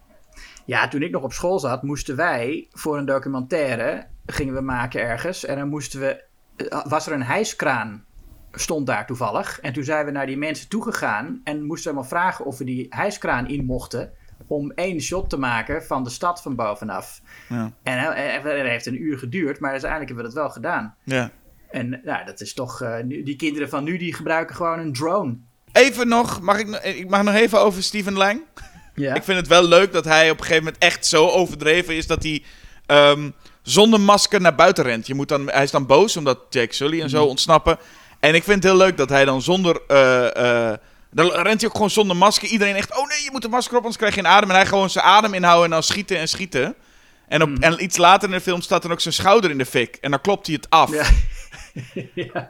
Hij laat hem heel lang in de fik staan. Hij gaat, ja, eerst gaat hij zitten en dan zegt oh, de schouder in de fik. Ja, ik vind het wel heel leuk hoe ze met, met, met eh, hoe, hoe Ja. Cameron dan ook gewoon met hem omgaat. Zo van, zullen we er gewoon een soort Terminator van maken, deze man? En eh, ja, ja dat is dan, dat is dan. Maar, waar, maar waar ik nog het meest om moest lachen. En dat heeft dan niet met. dus alle helikopters hè, gaan naar, eh, naar eh, eh, Pandora. Om, eh, om eh, aan te vallen. Want we gaan dit, dat hele bos kapot knallen. Ja. En dan gaan allemaal helikopters. En dan zie je dus, eh, de helikopters vliegen allemaal weg. En er zit er één zo'n dude in, eh, bij de control center. Die ziet die helikopters opstijgen en die gaat echt... Yeah, that's what I'm talking about. Yeah, yeah. Zo. En ik denk, joh, die gast is heel enthousiast over dat deze helikopters nu een bos gaan neerknallen. En hoe lang heeft het ook geduurd? Want die man die zit daar alsof het... eh, We zien hem even in een fractie van een seconde een helikopter voorbij gaan. Hij heeft heel lang al naar die stilstaande helikopters gekeken. En dan stijgen ze pas op en tegen de tijd dat ze weggaan gaat die man helemaal uit zijn plaat. Nou ja, we zitten er midden in de finale. Hè? We, hebben, we hebben hiervoor al een heel vervelend onderdeel van het, van het plot gehad. Oh, Namelijk die, de, dat, dat Jake ontmaskerd wordt eigenlijk van... oh, je was hier met andere doeleinden dan je hebt verteld. En nou moet je oprotten. ja, het, je, het, het- je hebt gelogen voor de eind. Ja. Ja, ja dat is zo vervelend, ja. Duizend kinderfilms hebben dat. Ik snap ook niet dat mensen dat in 2009 nog, nog deden of zo. Je, hebt, je weet toch dat iedereen dat vervelend vindt? Nou, maar dat is wel een beetje het vervelende aan dit script überhaupt. Omdat alles wat erin zit, is een beetje dat je denkt... James, dit hebben we allemaal toch al een keer gehad. Dat, dat, dat, ik, ik bedoel, natuurlijk is er heel veel geklaag over... Dit script lijkt op, eh, op Pocahontas of op eh, The Dances with Wolves. Maar het is ook wel een beetje zo dat je denkt... Met een klein beetje creativiteit was James Cameron wel iets verder gekomen. En dat creativiteit zit er vooral in dit soort vermoeiende dingen gewoon weglaten. Ja. En dat, zelfs dat doet hij niet. Dus het is wel heel erg een soort van mal met zo hoort zo'n film te zijn. Nou, dan is het ook wel klaar ook. ja. En dat merk je gewoon echt als dit soort stomme dingen er ook in zitten. Ja, eigenlijk de, de, de, de meest creatieve vondst is natuurlijk dat idee van je gaat in een ander lichaam zitten. Ehm, ja, daar zou, ik bedoel, als je, als je, als je David Cronenberg daarop loslaat, zou die ook met, eh, zou die wel met, met een wat interessantere film komen. Ja, maar en ik denk sowieso, is want het dat is... wel, James Ja. Cameron heeft het natuurlijk in zijn eentje geschreven. Mhm. En je hebt altijd bij dit soort dingen wel een beetje het gevoel van... zou die veel mensen hebben die ook naar het script kijken en, en, en er kritisch op zijn? En dat vraag je bij dit soort dingen wel een beetje af. Of James Cameron niet zoiets heeft van... hé, hey, wie heeft de afgelopen paar keer de beste bezochte film ooit gemaakt? Ja? Ga jij je bemoeien met mijn script? Nee. En dat hij dan echt alleen maar zijn eigen ding doet. Want er Ja, moet toch wel iemand zijn. die echt Ja. van scripts verstand heeft en zegt... yo, zullen we, zullen we dat even... Zullen we, zullen we iets meer, iets origineels doen? Of even niet dit stukje weer doen? ja. Maar hij doet het allemaal. Hij krijgt alles wat hij wil. Ja, ehm, ja ook, ook qua muziek. Dat is, dat is nu iets om over te praten. Eh, want eh, hij heeft dus die hele wereld van de Navi werd allemaal, allemaal bedacht. En hij wilde die cultuur allemaal, allemaal ja, eigen dingen geven. En hij wilde ook de muziek van die, eh, van die mensen daar iets mee doen. En toen heeft hij, nou, James Horner is de componist, die verder ook gewoon een Hollywood-componist is met een grote naam. Hij heeft eerder, hij heeft, term, heeft Aliens heeft hij gedaan voor Cameron eerder. Ja, en Titanic natuurlijk. Oh ja, Titanic, ja. ja. Ja. En, maar goed, hij heeft, eh, hij heeft hem samen laten werken met Wanda Bryant. En dat is een, een muzikoloog die dan heel veel van wereldmuziek we- weet, zoals we dat dan gek genoeg noemen. Want nou, en eh, dat betekent dus dingen van eh, Zweedse volksmuziek tot aan eh, Vietnamese volksmuziek of zo. En zij heeft dus uit al die culturen, heeft zij ook samen met James Horner inspiratie gehaald en gezegd van, nou, kijk het eens even zo en kijk het eens even zo. En toen hebben ze samen, naar het schijnt, best wel wat bijzondere muziek geschreven. Maar dat kon, vond Cameron telkens te onconventioneel. Zij wilde wel herkenbare muziek. En ja, eigenlijk als je nu die soundtrack hoort... Nou ja, je hebt voor de actiescènes... je hebt James Horner's eh, eh, eh, standaard dingetje. Gewoon vrij generieke blazers... zoals je die in een, in een actieblockbuster hoort. Vind ik eigenlijk niks aan. Nee. En je hebt voor de Navi... ja, van die vage wereldmuziekachtige dingen... die dan ook ja, misschien eh, hier door vrouwen van middelbare leeftijd... op cd gekocht worden om, om, en, en die daar dan naar luisteren... om in contact te komen met hun ziel of zo. Dat soort nepwereldmuziek. Het, is, het klinkt een beetje vaag, niet westers... Maar het is... Je ziet een eh, beetje, beetje trommel, beetje fluit. Dat, ja, ja. Weer een beetje, weer een beetje van, die, van die zang erbij. Oh ja, Ja, ja, ja, ja, nee. Ik, vind het helemaal, ik vind het echt helemaal niks, die muziek. En ik vind het zo jammer, want ik denk van... Ik, ik zou heel graag die soundtrack willen horen... waarvan Cameron dan zei... nee, dit is te, te gek, dit is te raar. Mhm. Ik denk dat dat best wel interessante muziek eh, zou kunnen zijn. ja. Ja, want, want eh, James Horner heeft in ieder geval wel een handje van om echt wel behoorlijk sentimenteel. Dat is, veel van zijn soundtracks zijn altijd wel tegen het echte sentimentele aan. Mhm. En je had hier inderdaad ook wel een beetje kunnen verwachten, zo'n film als dit, dat daar gaan heel veel de, ja, de, de trommelgeluiden. Dat dat dan Ja. heel veel, dat een beetje ook een stereotyp beeld van, oh, we hebben een soort stam. En dan, eh, dan gaan Ja. we dus een beetje voor die, voor die trommelgeluiden. En dat zit er ook wel eigenlijk in. Ja. Ja. Maar dat, is Maar- dus wel, dat zegt wel echt iets over Cameron ook. Hè? Gewoon dat, dat van ik wil het toch wel een beetje eh, gewoon conventioneel hebben. Het is niet dat hij echt dan wat nieuwe dingen aandurft. Ja, en ik vind het ook jammer dat hij dan niet ook dat Navi-thema, voor zover het dan er is, dat hij dat niet gebruikt voor de triomfantelijke me- momenten in de veldslag als de Navi winnen, weet je? Want hij heeft dus, eh, hij heeft eigenlijk gewoon tijdens die hele veldslag alleen maar die blazers. Ja. Ook als, als de Navi aan de winnende hand zijn, worden zij ook begeleid door blazers. Ja. Ik zei, als je, als, je nou, als je nou dan even dat get- getrommel doet. Nou ja, en laten we zeggen, Star Wars, maar ook Lord of the Rings en ook Harry Potter. Ze hebben allemaal een soort van theme die eh, eh, herkenbaar is. Die je kan onthouden.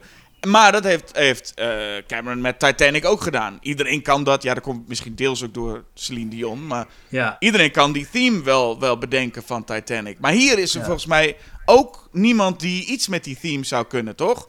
Neurie, het Ja, eh, Avatar-nummer. Nee, er zit één stukje in dat doet denken aan Titanic. Ja, die hoorde ik ook. Dat, ja. eh,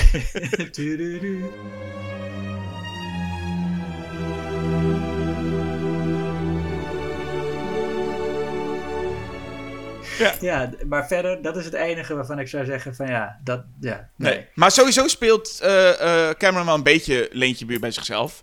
Want Mhm. op een gegeven moment, als je die robot ziet waar ze in zitten. En als Ja. je dan ook Ja, op een gegeven moment. ja. Is er ook een scène waarbij er allemaal op, op, op schermen. komen allemaal rode stipjes heel snel op in mensen af. Dan denk je, dit is eh, in beide gevallen wel heel erg aliens. Ja, En het is niet erg, maar je, ja dat mag. ja, mag. Het is een beetje, hij verzamelt dingen van zichzelf. Dus dan op dat en ik vlak. vind het hier ook, eh, ik, het, het werkt hier toch ook goed, want hij doet, hij doet ook nu meer met dat, met dat robotpak dan in Aliens. Het wordt echt een heel tof gevecht, vind ik, aan het einde met eh Steven Lang in dat pak. Dat, ja, nou, ik vind dat gevecht vooral gewoon leuk, omdat Steven Lang eh, steeds maar blijft... Volgens mij er gaat er een pijl in en dan blijft hij doorgaan. En ik had echt het idee, hoe ver gaan ze dit rekken tot een soort eh, Terminator... Met dat hij, oh dit, en dat hij... Ja. Ik, ik had het idee dat hij misschien helemaal in brand kwam te staan, dat hij het nog steeds gaat afkloppen. En het, het- een beetje Monty Python-achtig wel licht. Met van, Nee, maar ik vind, ik vind het echt een heel goede vechtscène hoor. ja, nou ja, nou, ja. Dat hij in dat, in dat, nou ook omdat hij in dat pak zit en, eh, eh, en, en, en Jake Sully als in, in- zijn Navi-pak dan eigenlijk ligt op de grond en, en dan... Ze zijn altijd, eh, in, in, in- de helden zijn bij James Cameron heel vaak, eh, is het onwaarschijnlijk dat ze gaan winnen. Bij de helden? In, in die actiescènes, het, ja, je hebt, je hebt, weet je wel, de, de schurk zit in zo'n groot robotpak en de held is, eh, is, is half naakt. Oh, op die manier onwaarschijnlijk. Ja. Ja, ik wil zeggen, want als je de scène zelf ziet, er is geen mens die toch denkt van, nou, zal Steven Lang hier met de winst er vandoor gaan? Nee, natuurlijk niet. Nee. Maar, nee, dat, nee, maar, maar, het maar de, hij, hij, hij, hij neemt heel veel kracht weg van de, van de, van de helden en Ja. geeft heel veel aan de, aan de schurken. Ja. En toch is het wel eh, ja, geloofwaardig hoe hij dat uiteindelijk eh, eh, eh, eh, wint. En ik vind, het echt, ik vind sowieso die hele actiefinale. Ik had verwacht dat ik hem saai zou vinden. Maar absoluut niet. Ik heb echt van elke minuut genoten. Ik, was ook, ik vond het ook weer fijn dat ik ook, wat ik ook lang niet gezien had in, een, in zo'n familievriendelijke blockbuster, was dat de held gewoon andere mensen doodschiet. Was ik ook helemaal vergeten dat Jake gewoon echt met een machinegeweer zijn voormalige collega's kapot knalt. Mhm. Wat ik, ja, wat dan niet per se. eh, eh, eh, ik, ik, ik ben niet zo iemand die zegt van ja, dat is vet, mensen doodschieten. Maar ik vond het wel goed om te zien dat het. Omdat dat, dat doe je ook gewoon in, in zo'n oorlog. Dat moet. En je moet daar ook niet moeilijk over doen. Ja, ja ik, denk, nou, ik ben blij dat één iemand van ons wel genoten heeft ervan. Want wat ik vooral het probleem met, met zo'n gevechtscène heb, is ehm, ze, ze boeien me niks. Maar dat komt vooral omdat in dit geval de schurken... Ja, ik vind ze grappig hoor, daar niet van. Ik bedoel, wat ik al zei, Steven Lang die met zo'n kop koffie staat toe te kijken. Eh, Oké, maar eh, de, de- en ook de helden, ze doen me helemaal niks. Ik bedoel, we hebben er niet gehad over, en logisch ook, maar je hebt in die heldengroep ook zo'n. De, de, de, de, de vader, geloof ik, en de moeder van Zoe Saldana, denk ik. Maar ook nog door zo'n Ja. andere gast. Ik weet eigenlijk niet Ja, wie die het hoort er ook altijd bij, hè? Die, die, die gast die dan inderdaad. Die hem wantrouwt. eh, eh, hem eerst wantrouwt en dan ze, zegt die broer en dan gaat hij dood. Ja, en dat ze, maar, maar het zijn allemaal, ja, die, en, en verder nog een hoop andere blauwe figuren. En aan de andere kant een hoop eh, legerfiguren. En dat gaat dan tegen elkaar. En ik denk, ik ken, kijk, ik weet het, ik weet het, het grote punt van Marvel. En dat gaan we zo meteen ook vast wel horen. De, de hele, ja, dat is er maar zo'n leger van allemaal van die dingen. En daar moet je tegen vechten. Maar in dit geval heb ik ook niks met de helden. Dus het is nu een groep mensen die me niks zegt tegen een andere groep mensen die me niks zegt. En dan wordt het wel echt heel. eh, dat je denkt, ja, wat, kan het eigenlijk ook schelen? Tuurlijk wil je dat die blauwe mensen winnen, want die zijn goed. En de anderen zijn slecht. Ja, nee, maar, dat, maar dat, is, dat is toch wat het hier is. Dat, ik bedoel, dat, dat, je bent wel echt voor de Navi en tegen Ja, de, de andere. Ja, nee, maar dat is, dat is toch ook. En dat, veel meer dan bij die, die Marvel-films, vind ik. ja, maar je ziet, je ziet alsnog veel- gewoon blauwe figuren. Maar je weet niet veel meer van die blauwe figuren. Want het zijn gewoon die blauwe figuren. Op dat moment, Ja. hoeveel weet ik nou van Zoe Saldana? Niks eigenlijk. Het is gewoon Nee. een van de blauwe figuren die vecht tegen de, tegen de legermensen. Die ik ook allemaal niet ken. Ik snap wat jij zegt. Goh, wat leuk dat Jake Sully eh, allemaal mensen neerknalt. Maar al die mensen ken ik ook niet. Nee, maar, maar je weet dat het gewoon legermensen zijn en dat die een bepaalde ideologie aanhangen. Ja. En omdat dat ook een, een bestaande ideologie is, min of meer, is, is het hier. eh, eh, is, is dit effectiever, vind ik. Ja. Want het is natuurlijk. En het, het is een heel oppervlakkige en ook niet kloppende, kinderachtige metafoor, dus zeker. En eh, ik moet ook altijd denken aan wat Patrice O'Neill erover zei, Amerikaanse komiek. Die had het over Avatar. En dan zeiden van ja, in Avatar zijn dus alle onderdrukte groepen zijn eh, blauwe aliens geworden. En white people are still just white people. en dat is bij heel veel van, die, van dat soort films inderdaad zo. Dat je maakt een metafoor waarbij eh, ja, de, de, de, de machthebbers zijn nog steeds gewoon mensen. En de onderdrukte zijn een soort an- andere wezens. Net zoals in District 9 heb je dat ook.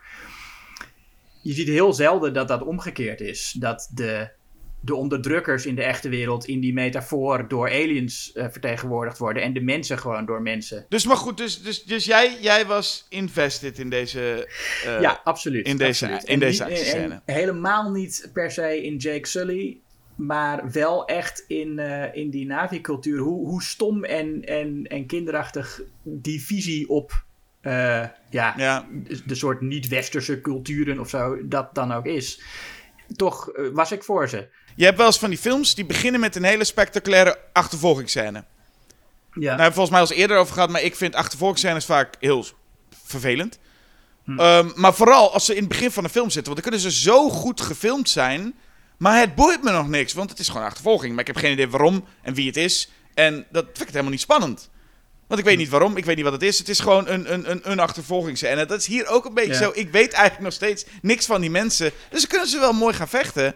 Maar ik, ik, ik heb geen idee. Ik weet niet wie ze zijn. Ik weet niet wat ze gaan doen. En dat is jammer van zoiets. En dat heeft gewoon, dat heeft gewoon puur te maken met... Ik nou ja, al die blauwe figuren die ik ook niet ken. Ja, nou ja, dat is duidelijk. Dat is duidelijk. Ik, ik, ik ben wel gevoelig voor de- die grove penseelstreken en hier is het conflict. En, en ja, Ja. ik kan daar in deze zeker in meegaan. En ook, ja, ook, ook trouwens omdat Giovanni Ribisi zo goed is als, eh, als die, eh, als, eh, hoe heet die, de, de, de Selfridge. Ja. Ehm, ik, je, ik vind hem eigenlijk nog een betere schurk dan Steven Lang, die ook heel goed is. Maar ja, ook, ook omdat je hun graag wil zien verliezen. Ja, ja, nee, ja. Ja. ja, want, want Ja. het is ook een beetje... Ja, Steven Lang gaat er dan eh, aan en, en je ziet eh, eh, die, die Parker-gast... Op een gegeven moment loopt hij gewoon met zijn hele club... hele club loopt hij gewoon een beetje Ja. teleurgesteld zo weg. Ja. Ja, moet, moet, wordt, wordt teruggestuurd naar de aarde. En dat, Ja. dat, was het, dat was het dan. Dus er is ook niet eens echt een... Nou ja, goed, nu weten we... Er Ja, komen nog, er komen nog ja. vervolgen. En volgens mij... Wat ik begrepen heb, komt zelfs Steven Lang in al die films terug. Dat je denkt, hoe kan dat nou? Maar goed, Oh. zal wel. Eh, Toch nog kunnen redden. Ja, dat, nee, is, eh, heeft hij, al, hij heeft het afgeklopt waarschijnlijk, zijn eh, verwondingen. Ehm, maar de, en dus dat zal er nog wel... Maar anders is het inderdaad ook wel een beetje teleurstellend... Met, om de grote schurk die gewoon wegloopt. Ja. Ah, misschien is dat ook wel bewust, dat weet ik niet. Billy Zane was aan het einde van Titanic ook gewoon... hè? Die, was er, die was er ook gewoon doorgekomen. Ja, en je, kijk, je kunt zo'n kerel natuurlijk ook niet doodmaken. Hij, hij zit niet in het leger, weet je wel. Dus je kan niet nog achteraf van, oh, eh, dat je, als, als, als de Navi hem zouden executeren, zou je ook wat minder sympathie voor hun cultuur hebben. Dat zou wel heel... Dat zou wat zijn, al die hele rij met mensen er allemaal op de knieën. ja. Ja. Nee, maar dat zou niet helemaal rijmen met... Want dat vond ik ook dan wel weer heel erg geestig. Dat is, ja, natuurlijk is het net als met Titanic. Maar je hebt hier dus dat, dat toen dat nummer begon... I See You heet het, geloof ik. Dat ja. ik zo zag. Toen was ik ook wel heel erg lachen. Gewoon het feit, want ik had dat nummer van Leona Lewis. Dat ik even op zo die, die dat speelt dan. En toen dacht ik echt, ah ja, ja, ik was even vergeten. Maar, maar, maar Cameron nam dit echt bloedserieus, hè. ja. En dat, dat vooral Ja. bij dat nummer begon ik echt te voelen van... Oh man, ik heb best wel gelachen op bepaalde dingen. Uh, Maar ik, ik, toen voelde ik pas... Oh, oh, Cameron wil eigenlijk graag dat er op YouTube... En misschien is dat ook nu wel zo... Dat op YouTube heel veel filmpjes zijn met dit nummer... En dan de liefde tussen Jake Sully en... Nou ben ik die naam zelfs alweer kwijt, sowieso daarna. En Neytiri. Ne- Neytiri. Ja, en volgens mij het gevoel dat iedereen nu begint over die onmogelijke liefde tussen Jake en Nitiri. En dat er dan dit nummer steeds onder gebruikt wordt. En ik dacht echt van, oh, ik, ik denk dat hij dit wil, graag wilde hebben. YouTube zal het niet geweest zijn, want dat is volgens mij ook pas in 2009 begonnen. Ja, oké, maar bij Maar, wijze nee, van... ik, zie, ik, zie- ik, zie- ik snap wat je bedoelt. Ik denk ja. dus dat, Maar- maar ja, het, gewoon, ik vond het een leuke gedachte van, ja, dit, hij meent het echt. En ja, Ja, ja vreselijk nu- lied is het ook.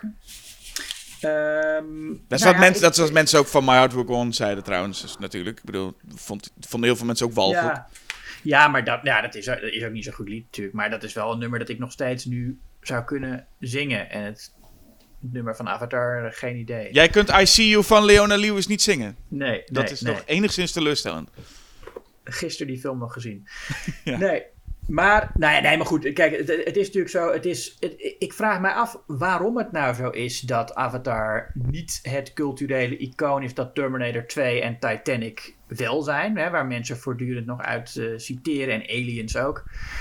Ehm, waarom dat niet gelukt is met Avatar, terwijl het wel de meest succesvolle film aller tijden is. Ik, Maar er was ik toen- heb daar ook nergens een goed eh, eh, antwoord op eh, kunnen vinden. Dat was toen ook natuurlijk, want we doen nu een beetje van, nou ja, dat Avatar, kijk een beetje op neer. Volgens mij wordt dat nu ook wel veel gedaan. Mensen die zeggen het is een overschatte film. Terwijl volgens mij die film qua, de, de, de kritieken waren destijds ook wel heel sterk. Eh, mensen, en meteen kwamen mensen met, oh ja, het is gewoon Dances with Wolves of, of, of, of Pocahontas. Maar wat ik Ja. vooral merk is dat ze... De film was toen, weet ik dan wel, 2009, echt wel een ding. Iedereen had het er wel over. En het was Ja, echt, oh, ja. het, was een, het was een event en iedereen wilde er naartoe. En het, en, het, en het ging ook lekker lang door. Dat vond ik ook. Want ik bedoel, Avengers Endgame was een event. Maar dat was na een week. Had iedereen hem wel gezien of zo. En was het van, ah, nou, dan gaan we door naar het volgende. En Avatar kon je tenminste nog gewoon lekker een paar maanden lang. Dat iedereen het erover had. En heeft Ja. hem al gezien. En dat bleef ook maar door. Ja. Ja, alleen dat is inderdaad een beetje het grappige. Dat, je, dat iedereen had het erover op dat moment. Alleen, ja, bij sommige dingen blijft dat zo. Eh, en, en wordt het echt een ding. En ik, ja, ik heb echt het gevoel hier nu niet. En dat probeert Cameron waarschijnlijk nu wel weer terug te krijgen. Maar het is niet al, eh, al, het is niet al Star Wars geworden. Nee, maar ik denk dat het hem sowieso gaat lukken om weer een enorme hit te hebben met Avatar 2. Ik denk dat die film zeker in de top 5 komt van best bezochte films aller tijden. Nou, dan wordt het wel tijd voor Hmm. eh, die andere, hè? Yes, The Avengers. Ja, Ja, volgens mij eh, de eerste Marvel film die ik zag. we praten over 2012, maar we, ja, we moesten eigenlijk terug naar nog voor Avatar, 2008, waar het eigenlijk een beetje begon. Ja, met Iron Man. Ja, en in hetzelfde jaar nog die Incredible Hulk. En volgens mij werd daar dus in ieder geval dat universum wel opgebouwd. Wat al het plan was ook ten tijde van Iron Man. Het was niet, niet helemaal zo wat we zeiden, hè, dat je eerst een goede film maakt en dan niet geen plannen mee hebt en dan besluit om een... Want het was aan het einde van Iron Man was al een, een, een Nick Fury die zei... Ik wil met je praten over Eh The Avengers Maar- Initiative. Dus toen was al duidelijk, die gaan we nou opbouwen. Nou ja, dat, als Iron Man een succes is, gaan we dat doen. En het was niet zo dat het midden in de film opeens... Het was wel echt lekker na de eerste credits. Ja, dat was, dat, daar was, Dus dat, dat was wel... Die beleefdheid had eh, John Favreau wel. Ja, dat doen ze nu dus ook niet meer. Nu is het inderdaad midden in de film zitten vaak, en, dat is, en bij Marvel, maar bij alle andere films dus ook, in de film zitten gewoon al die after credit scenes zitten al verwerkt. Ja, dat is, vind ik heel vervelend altijd. Ja. Ehm, ja, nee, Iron Man, als we daar beginnen. Nou ja, het eh, Kevin Feige had inderdaad het plan om daar een heel universum van te maken. En hij begon met Iron Man. Weet je waarom? Vanwege het verkopen. Van de, van Ja. de, van de, van de, eh, de vele pakken. Ja, van, eh, van het speelgoed inderdaad. Hij had, hij had speelgoed van allerlei... Van Captain America, geloof ik, en van een paar andere Marvel-helden. En had die kinderen gevraagd met welke wil je het liefst spelen. En die kinderen die pakten allemaal die Iron Man. En die, die, die wisten ook niet wie dat was, want Iron Man was helemaal geen bekende superheld. Maar die begonnen daarmee te spelen alsof het een soort robot was. En daaraan zag Kevin Feige, nou, die moeten we hebben. Want die films die leveren veel meer geld op in de merchandise-verkoop dan in de bioscoop. Nou moeten we wel meteen erbij zeggen dat de bekendste namen, want het ging een tijd lang niet zo goed met Marvel qua film. En dat Ja. de bekendste eh, namen die Marvel eigenlijk had, niet in bezit waren van Marvel op dat moment. Ja. Dus Spider-Man was er niet, eh, Fantastic Four en X-Men waren allemaal bij andere studio's. Eh, waarbij je dan ook inderdaad denkt, ja, dan moeten we het met... en, en Hulk lag volgens mij ook gevoelig. Lag ook net... Lag gevoelig. Ja, die, want dit, en dat is volgens mij nog steeds een beetje zo, dacht ik. Maar in ieder geval, Hulk lag Oh. bij... Wel bij Marvel, maar ook deels bij, ik geloof, Universal. Nou, daar heeft Ang Lee eh, een heel goede film van gemaakt. Of nou, heel goed. Een film die in elk geval eh, interessanter is dan alle latere Marvel-films. Qua ambitie en qua eh film maken. Nou, wie weet komen we ooit wel eens met die film, op die film te spreken. Ja. Maar dit is in ieder geval, dus er lagen heel veel namen. Want anders zou je bijna zeggen, nou, dat, dat de... Je begint je universe met de bekendste, bekendste held. Maar dat is in dit geval kon het ook niet, want die rechten waren er niet. Ja, nee, zij moesten het doen met nou, ja, de, de mindere helden. Iron Man, Thor en Captain America. Van wie toen eh, de meeste mensen geen idee hadden wie dat allemaal waren. Nee.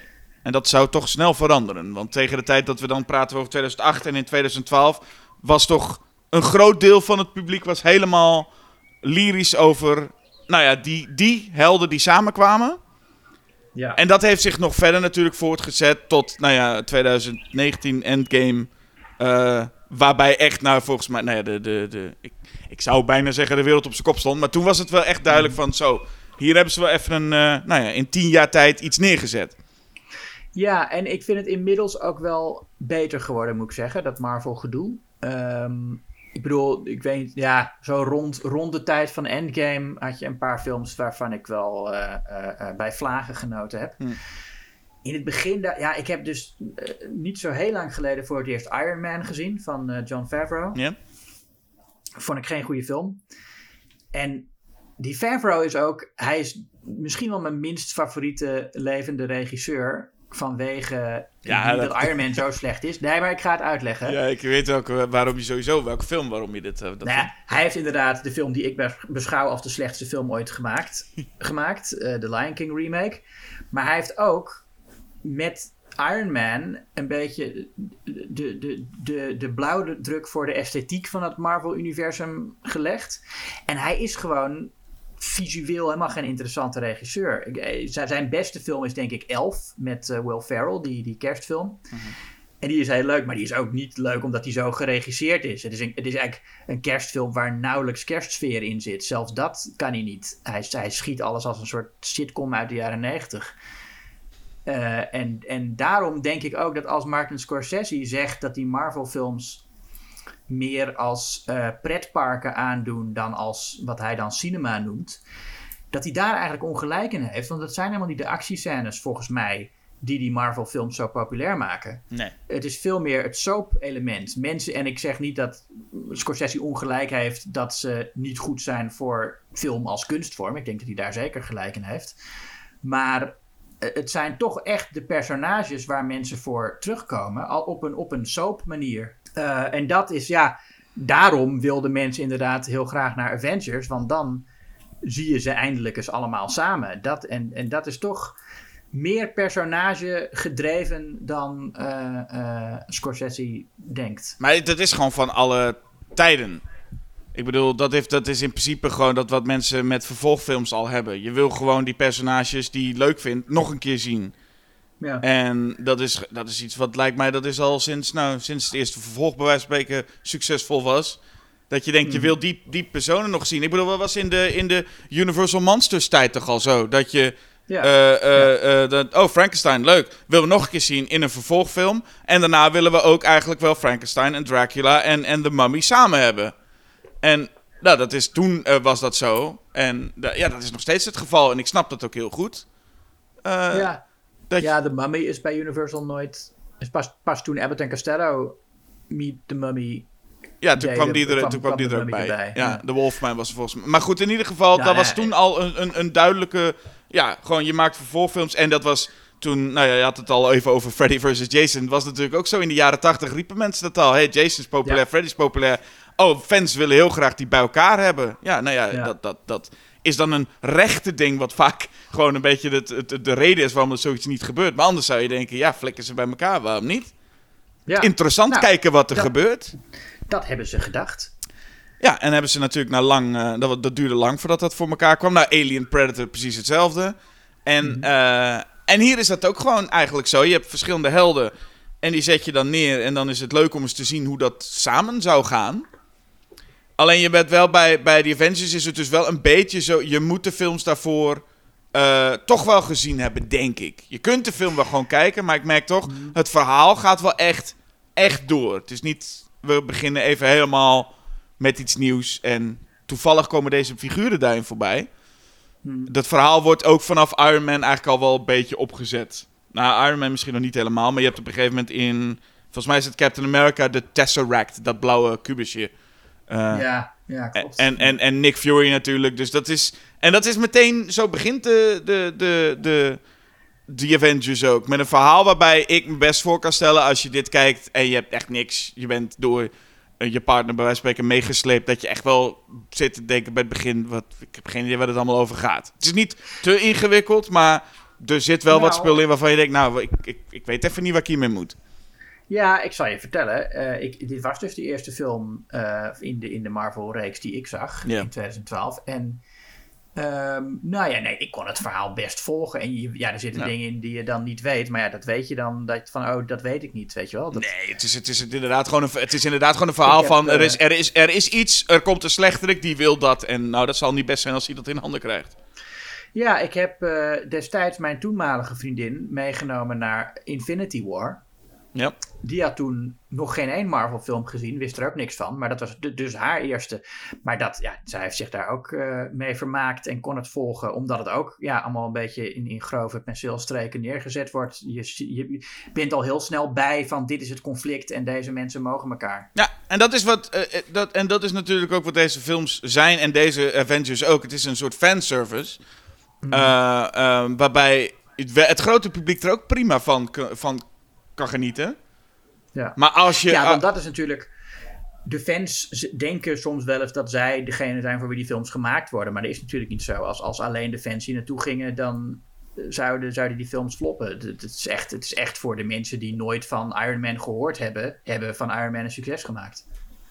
Ja, nee, En, je- en, en van deze film. ze kunnen het inderdaad niet toe-eigenen, maar het is eh, zeker wel zo dat eh, ze, zeker in, die, in, die, in dat Marvel-universum, en dan sluit ik hem nu af bij Endgame even, zijn ze wel Hmm. echt bezig geweest met één verhaal vertellen. Dus het is niet dat ze elke film maar weer eh, echt bezig waren met hoe kunnen we helemaal los...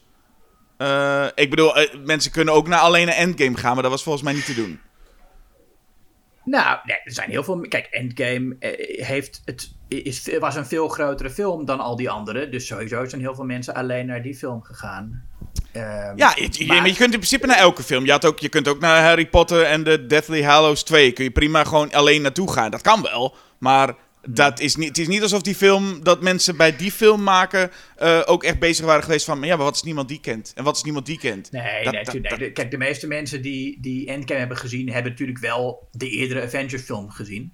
Maar de meeste mensen die Endgame hebben gezien, hebben niet alle eh, Marvel films gezien. Nee, en bij deze eerste Avengers was het nog het meest dat je denkt... Oké, je, hebt, je hebt geen van deze films per se hoeven zien... maar het maakt het net iets leuker, denk ik. Als je iets meer van Ja. die personages weet.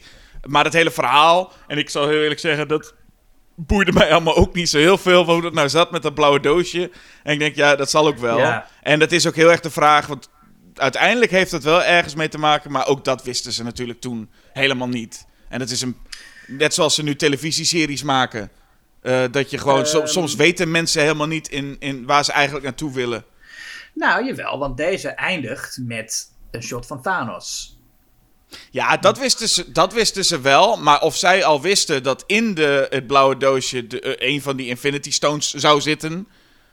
Nou, volgens mij wel, want ik heb die strips niet gelezen. Mhm. Maar het is wel allemaal behoorlijk gebaseerd op stripverhalen uit volgens mij vooral de jaren negentig. Mhm. En ze hebben natuurlijk wel dingen veranderd, zodat ook de liefhebbers van de strips nog verrast zouden worden. Oké. Nou ja, Maar in grote lijnen volgt het wel echt de, de, de, de plots van die strips. laat ik het zo. Misschien noem ik ook steeds nu de verkeerde dingen die wel bedacht waren. maar uiteindelijk is het zo dat er ongetwijfeld genoeg dingen zijn die van ze toen ze Endgame maakten niet wisten. En dat, dat hoorde je ook bijvoorbeeld. Ik vind een van een, een hele goed geschreven serie is bijvoorbeeld Breaking Bad. Waarbij ik zeker Ja. ook weet dat dat is ook bevestigd. Dat ze in seizoen 1 echt nog niet wisten waar seizoen 5 over zou gaan. Ze wisten niet Nee. eens dat er seizoen 5 komt. Maar als je het ziet, en dan heb je met goede schrijvers te maken. Als je het ziet, denk je wow, het hele verhaal voelt als één. Nou, en dat is natuurlijk bij Marvel niet gebeurd. Want er zijn best wat films waarbij ze continuïteitsdingen... en dan moesten ze weer recht lullen of dat kwam toch niet helemaal goed uit. En ja, dat gebeurt gewoon bij zo'n serie. Zeker als er Ja. verschillende makers op zitten. Maar ik denk wel wel dat de maker die we hier bij The Avengers hebben... is wel een goede keuze geweest. Wat je van hem vindt. Maar Josh Whedon Hmm. is natuurlijk van televisie. Die, die was voornamelijk van Buffy en eh, Angel, geloof ik. En eh, is daarmee... Firefly. Firefly een- is daarmee wat- natuurlijk eigenlijk de persoon die je moet hebben. Want of je hem nou een goede regisseur vindt, ja of nee. Het is vooral een goede showrunner. En die moet je hebben hier. Je moet iemand hebben die Hmm. eh, dingen samen kan, kan brengen. En dat is dus eigenlijk wel een, een, een goede persoon om, eh, om aan boord te hebben. En wat dat betreft vind ik dat, het ook, dat hij dat ook goed doet. Ja, en ook een, een nerd-favoriet. Ehm, want ik zeg, ik, Firefly, ik weet niet of die serie nou zo heet of die film. Ik heb het allebei niet gezien. Volgens mij heette die Maar- film Serenity. Oh ja, die film met de Serenity, ja. Eh, maar hij was wel iemand die eh, on- onder nerds wel echt geliefd was. En door hun gezien werd als een heel goede keuze voor deze film. Dus dat publiek heb je dan sowieso. Ehm, en, en dat publiek kent hij goed. Ja, er is nu een beetje, maar ik snap het ook wel hoor. Maar er is nu een beetje, Josh Whedon wordt ook een beetje gezien als, eh, nou ja, gaan veel onsympathieke verhalen ook over hem. En ik vind het, het is ook wel een beetje soms een vervelend figuur. Ik vind vooral zijn, dat hij met slechte producties te maken heeft en dat hij dan zo heel erg zichzelf daarvan gaat distancieren. Hij was met, Ja. met Alien Resurrection had hij dan script geschreven. En toen dat dan niet zo'n goede film bleek, meteen... Nee, dat is echt niet mijn schuld. Was echt... eh, Nee. en, en, en Avengers, eh, de tweede film, Age of Ultron... liep hij ook helemaal los. En dat het allemaal niet zijn schuld was, dat het allemaal zo was. Nou, Justice League is ook een bekend voorbeeld, hè? Die hij Ja. dan ging doen. En het is een beetje... Dat, het voelt wel een beetje zo'n iemand die... Nou ja, nooit... Hij doet nooit een Joel Schumachertje. Waarbij hij zegt, weet je... Ik was het gewoon, fuck it. Ja. Maar goed, dus, maar hij, eh, ik vind als eh, de keuze voor, voor de regisseur van deze film, ja, dat is, want het is nogal een klus om deze hele uiteenlopende figuren op een beetje fatsoenlijke manier samen te brengen. Ja, nee, wat dat betreft, eh, je zegt als showrunner, dat, dat, dat is hij. En dat, is, dat doet hij aardig. Ehm, maar als regisseur van een superheldenfilm, hij, heeft, hij heeft ook niet echt een esthetiek zelf. Eh, er zijn een paar shots wel in de actiefinale, waar we dan later denk ik wel op komen. Maar over het algemeen is dit toch ook gewoon een beetje tv-serie uit de jaren 90, point and shoot. En als eh, iedereen is in beeld, dus het is oké. En, en, en ja, hoe de, hoe de actiescènes geknipt en geschoten zijn, vind ik echt bagger. De, de- zeker in het eerste uur. Bagger zelfs. Ja, nee, echt slecht. Die eerste met Black Widow, die is echt slecht. En die, nee, dit is echt... Welke Ja, eerste met Black. Widow? Gewoon de introductiescène van Black Widow? Ja, Met dat Ja, zij, dus dat zij eh, eh, dat door... zij op die stoel zit. Ik vind het een leuke scène. Ik vind het leuk ook dat ze dan zegt van... eh, dat ze gebeld wordt. Dat ze zegt, ik zit midden in een interrogatie.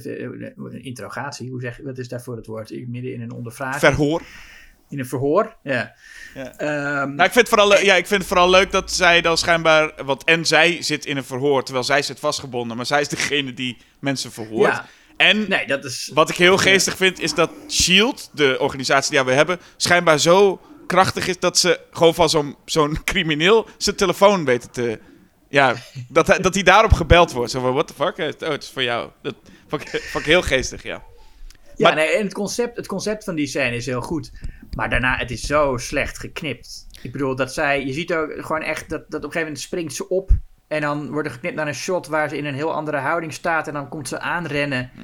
En het, het gaat helemaal nergens over. Ja, maar dat is dus... Oké, maar ik kan me best voorstellen dat dat... Ja, ik heb daar niet zo heel veel last van gehad. Maar wat ik vooral merk is... Want daar, waar het vooral om gaat hier... Is inderdaad dat zo'n scène heel leuk is. En ik vind Black Widow... Ik bedoel, we hadden Black Widow kwam ook in, in Iron Man 2 voor. En daar was het een beetje een niet-zeggende rol. Ja. En wat hij hier met Black Widow gedaan heeft, was. eh, dat is juist iets van. Wow, hij zet meteen haar heel erg leuk neer. Meteen heb je het gevoel van. Hé, hey, wat maak je daar toch een leuk personage van? Hij is heel goed in, in een personage neerzetten. Net, net zoals Cameron eigenlijk. Heel goed in een personage met een paar, eh, met een paar zinnetjes of, of, of een paar blikken eh, eh, neerzetten. Ja. Nou, ik vind deze, deze, deze personages stuk voor stuk wel een stuk interessanter dan de figuren uit, uit Avatar. Ik bedoel, er zit hier echt. Ja, er zit hier geen Sam Worthington tussen. nee, zeker niet. En ik vind- niet zo'n acteur. En ik merk zeker dat als zij. eh, nou, laten we zeggen, je hebt dus Black Widow. Ik weet niet of ze allemaal specifiek langs moeten, maar je hebt Black Widow. en dus de. een van de grote sterren van deze film vind ik wel de Hulk. Dat is gewoon. Ja. Dat vind ik wel eh, hoe ze daar nu mee omgaan. Ik weet dat jij dus een, een voorliefde wel ook een beetje hebt voor Ang Hulk. Mhm. Maar ik was hier wel echt blij dat ze, dat ze Hulk echt goed hebben eh, te pakken hebben gehad nu. En vooral hoe ze ernaar opbouwen vind ik heel fijn. Ehm, het hele feit dat zij eh, Black Widow dus naar Hulk gaat. Hè, zo wordt ook door Phil Coulson wordt, ze geze- wordt gezegd van... doe maar de big guy. En dan zegt ze, ja Stark luistert niet naar mij. En dan zegt ze, nee nee nee, the big guy. Ja. En ik vind het heel fijn. Eigenlijk is het bijna jammer dat Edward Norton al eh, de Hulk had. Ik denk eigenlijk, oh, het was eigenlijk leuker geweest als je Hulk al heel lang niet had gezien. Want dan zou dit echt, die wordt heel fijn opgebouwd naar die, eh, ja, om hem echt een keertje te, te, te mogen zien. Ja, en hij is ook wel echt, eh, eh, hoe heet hij? Eh, eh, dingetje. eh, Mark Ruffalo? Ja, vind ik echt heel goed als Hulk ook. Hij, omdat hij, hij heeft toch een soort. Hij is in het echt gewoon ook wel een beetje een brede gast, maar hij heeft toch een heel lief gezicht. Mhm. Echt zo, zo, echt zo dat je denkt van, oh, wat een, wat een, wat een aardige man. Volgens mij is het ook de eerste, eerste keer dat je echt de acteur terugziet in het gezicht van Hulk. Ja, nee, precies. Zelfs als hij de Hulk is, zie je inderdaad dat, dat, eh, die, die blik nog. En het is toch, een, toch wel een contrast tussen, tussen dan Dr. Banner en de Hulk. Omdat Dr. Banner echt een beetje zo'n zo'n zo'n zo'n zo'n eh, eh, zachtgestemde, eh, lieve man is. Ja. Maar je ziet daar toch nog iets, iets van terug in de Hulk, inderdaad. Ja. Ja, je ziet hier wel steeds inderdaad dat Ruffalo, of in ieder geval als, als, als Bruce Banner, is ook de hele tijd maar bezig. In volgens mij elke zin zo ongeveer laat hij wel even vallen met the other guy. Of hij is de hele tijd bezig met het feit dat ze hem waarschijnlijk nodig hebben om zijn alter ego. Dus ze kunnen, hij kan ook niet zo goed geloven dat ze hem willen vanwege zijn brein.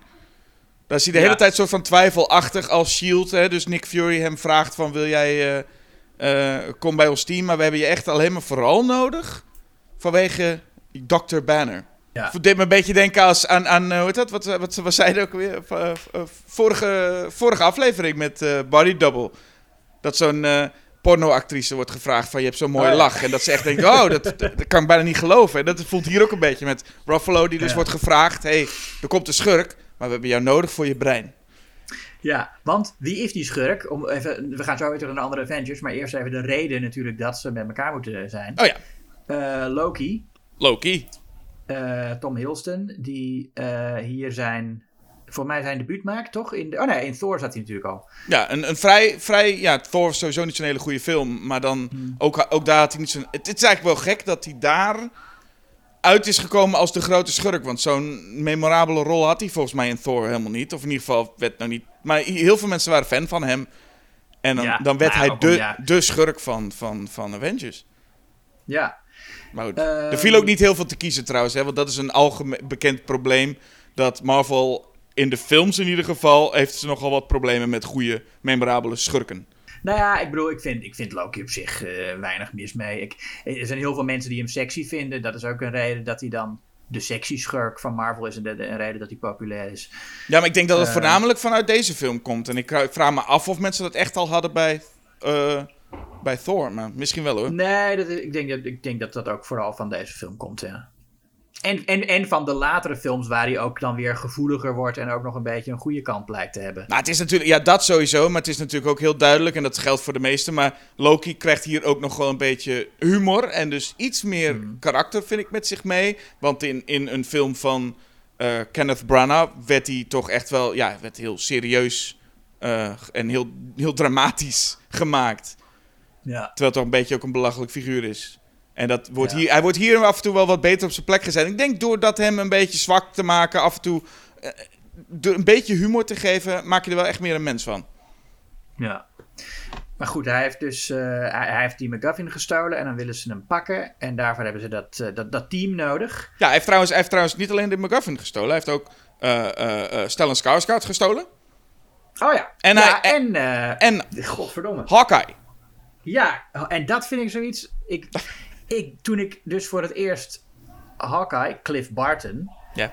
eh, zag in deze film, dacht ik van, oh, die heeft een pijl en boog. Nou, dat zal nog wel uitgelegd zijn in de eerdere film waarom hij een pijl en boog heeft. En niet gewoon een pistool of zo, waarom dat soort ding is.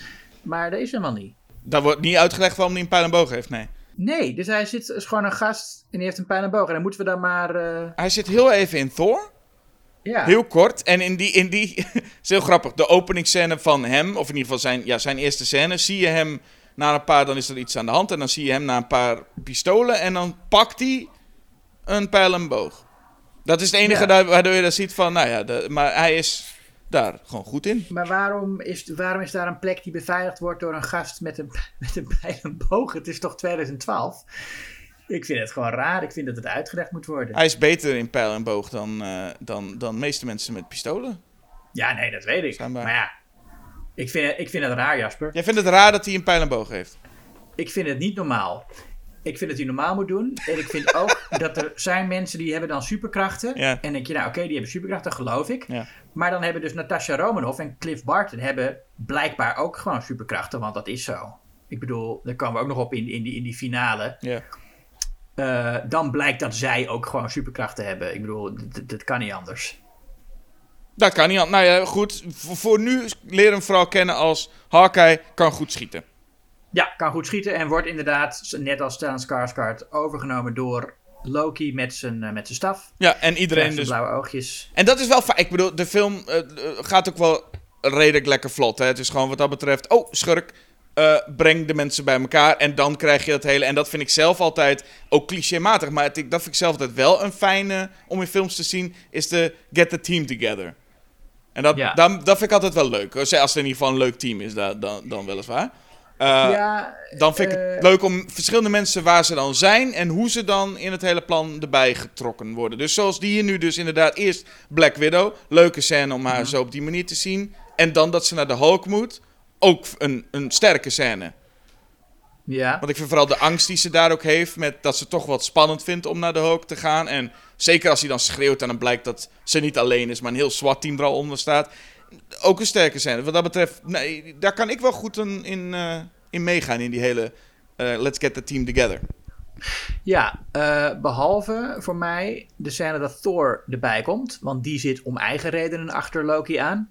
En dan hebben de, de, Ja. de, de Avengers tot nu toe hebben Loki te pakken. En dan komt Thor. En dan gaan ze een, eind, een tijdje vechten. Ja, maar Thor is inderdaad nog even... Die moeten we misschien ook als laatste bewaren. Want die komt volgens mij echt halverwege de film pas binnen. Dat je Nou, Oké, dan wachten dan wachten we daar nog die even ben je echt helemaal... Die ben eh, ik helemaal... Was ik helemaal ook... Die ben je eigenlijk gewoon de hele film vergeten, zo ongeveer. En dan komt hij nog een keer aan dat je denkt... Oh, er is nog één inderdaad. Nou, niet halverwege. Dat, dit dit is wel eerder hoor. Maar, Maar, het duurt maar- lang voordat Thor komt. Want we gaan... Hij komt als laatste. Captain America zit er dan al een tijdje. Die zit, die- dat, vind, dat is ook wel een grappig shot. Dat Captain America aan het boksen is. En dat hij dan die boksbal eh, eraf mapt. En dat hij dan een hoop andere boksballen achter zich heeft liggen. Ja. Die hij dan meteen ophangt. Ja, en dat is precies waar de vorige film dus eindigde. was Zijn film. Waarbij hij inderdaad eh, in het ijs en dan, eh, en dan ben je... eh, ben je ontdooid. En dan ben je ineens in, in deze wereld. Ja, En dan denk je, goh, ze schieten nog steeds met pijl en boog. dat is dan wel fijn om te weten. Maar verder, nee, ja, ehm ja dat is een personage waar we op dat moment nog niet zo... Ja, of ja, in ieder geval, we hadden het in één film, we weten het is een goed zak. En het is een, een mooie man. Eh, Ja. Chris Evans. En dat vind ik wel Ja. trouwens, dat geldt voor beide, Chris, de beide Chrisen sowieso. Chris Evans en Mhm. Chris Hemsworth zijn hele mooie mannen. Modellen bijna kun je ze noemen. Maar ik vind het heel... Het zijn wel echt goede acteurs. Ik weet niet of Ja, het per se uit deze film het meest blijkt. Maar ik vind dat beide hebben echt hele goede rollen ook al gespeeld. En zijn niet alleen maar mooie koppen. ja, zeker. En hebben ook echt allebei een gevoel voor humor. Ja, ook zeker. Die Eh, timing veel van hen- meer dan, eh, dan Robert Downey Jr. trouwens. Ik vind die Iron Man soms best wel vervelend. Met zijn met met met flauwe grapjes. maar eh, Ik wist het ook. Iedere keer toen ik deze film nu aan het kijken was, dacht ik altijd... Ah ja, jullie schat even vindt dat volgens mij helemaal niks. Die, de grapjes van, van Iron Man. Nee. nee. Nee, daar hou ik niet van, dat soort, dat soort humor. Nee, oké. dat Maar, maar eh, eh, Hemsworth vind ik goed dat hij, hij, heeft, eh, dat hij, dat, hij kan toch op een bepaalde manier dat, die, die, die, dat gedragen taalgebruik ehm, op zo'n manier brengen dat je gelooft dat die gast echt zo praat, maar dat het ook grappig is. Mhm. En Chris Evans heeft ook echt, ehm, ja, gewoon echt humor. En, eh, hij was, hij was eh, de eerste keer dat ik hem zag, toen wist ik nog niet dat het Chris Evans was, was in Not Another Teen Movie. Mm. Wat ik de beste film eh, van de jaren 2000 vind, waarvan de titel eindigt op movie. Had toen een hele reeks met van die movie movies, weet je wel. Scary movie en date movie en zo. Ja.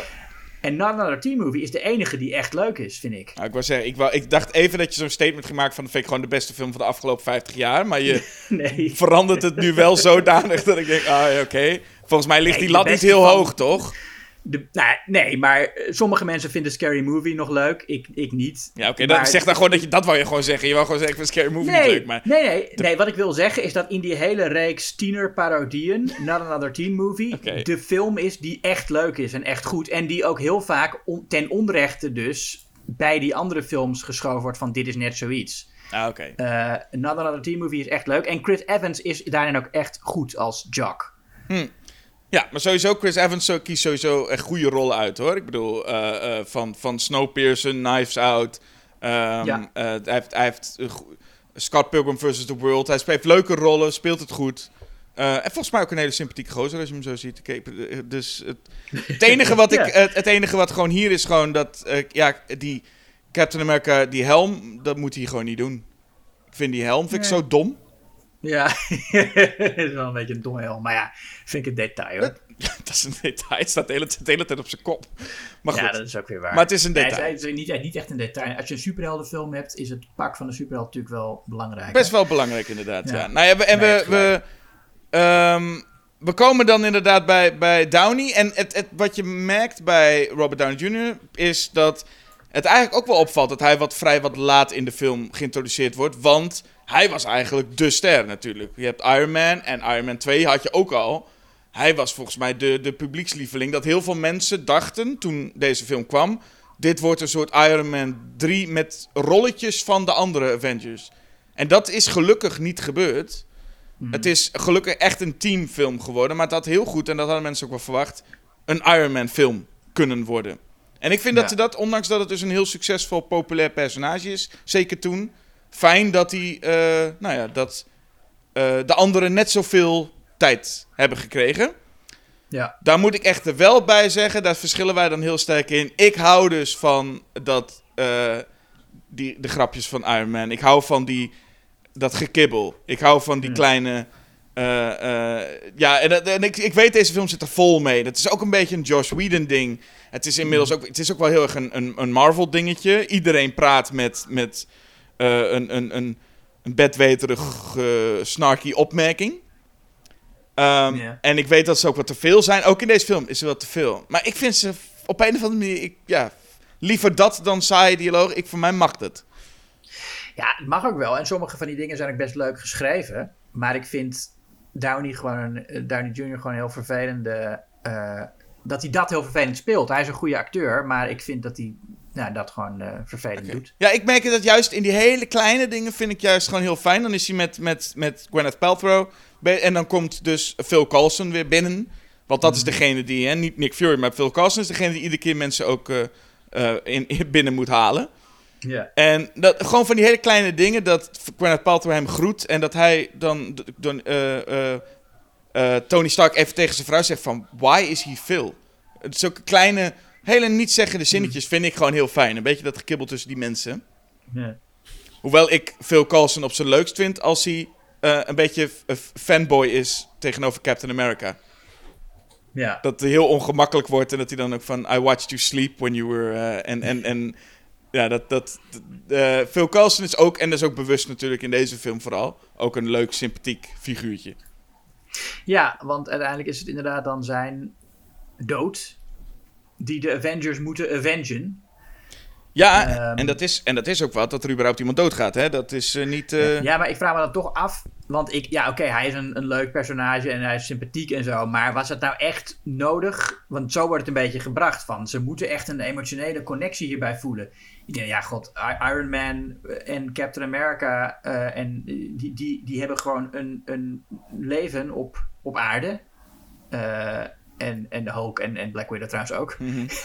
Maar ik bedoel, die, weet je, die, het is niet, het is niet, die hebben gewoon familie en vrienden. En zeker Iron Man, die heeft gewoon Pepper Potts. En die moet dan, da- maar dat, als, als dat allemaal bedreigd wordt en de wereld gaat eraan, hebben ze nog niet genoeg motivatie. Eerst moet even deze gast eh, eraan en dan pas kunnen, eh, weten ze nou, nu, heeft, nu is Loki toch echt te ver gegaan. nou moeten we er wat aan gaan doen. Ja, maar, maar het is wel, er moet wel iets gebeuren dat je een beter team wordt. Zijn niet, ze zijn nog niet echt een heel goed team.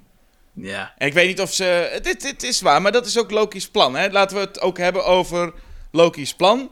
Want ik moet wel zeggen, dat is dan, ik vind die helden dus allemaal leuk. Alle helden, zelfs, eh, zelfs eh, eh, Hawkeye, Black Widow, die iets meer underdeveloped zijn. Maar ik vind ze leuk hier.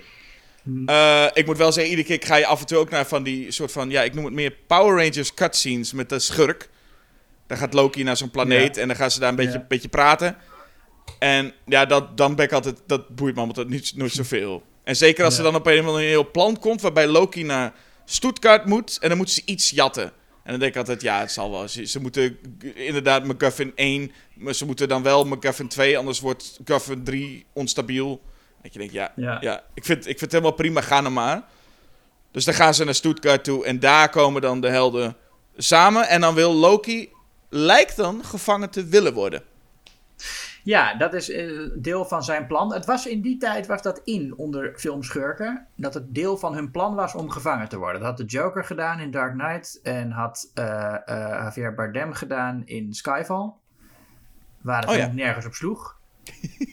Zoals het hele plan van hem in Skyfall eigenlijk helderziendheid vereist voor elke gebeurtenis. Ja, dat was een beetje cool, cool om dat te doen natuurlijk. Maar is het, is het, zou het een beetje Seven begonnen zijn? Eh, ja, nou, ik weet. Toen werd het niet meteen een trend volgens mij. Nee, ik weet niet meteen meteen, maar dat is een beetje de film waar ik naartoe dat zou gaan als van, dat is het moment van, oh, een schurk die ineens halverwege de film zichzelf, of ik weet niet of het helemaal halverwege was, maar in ieder geval zichzelf ineens gaat aangeven. Oeh. Nou ja, dat... Ja, maar in Seven was het ook nog niet een heel plan waar dan ook nog allerlei andere schakels in zaten of zo. Nee, dat Dat waar. is niet super complex zoals... Nou, ja, in- maar in deze film is het volgens mij...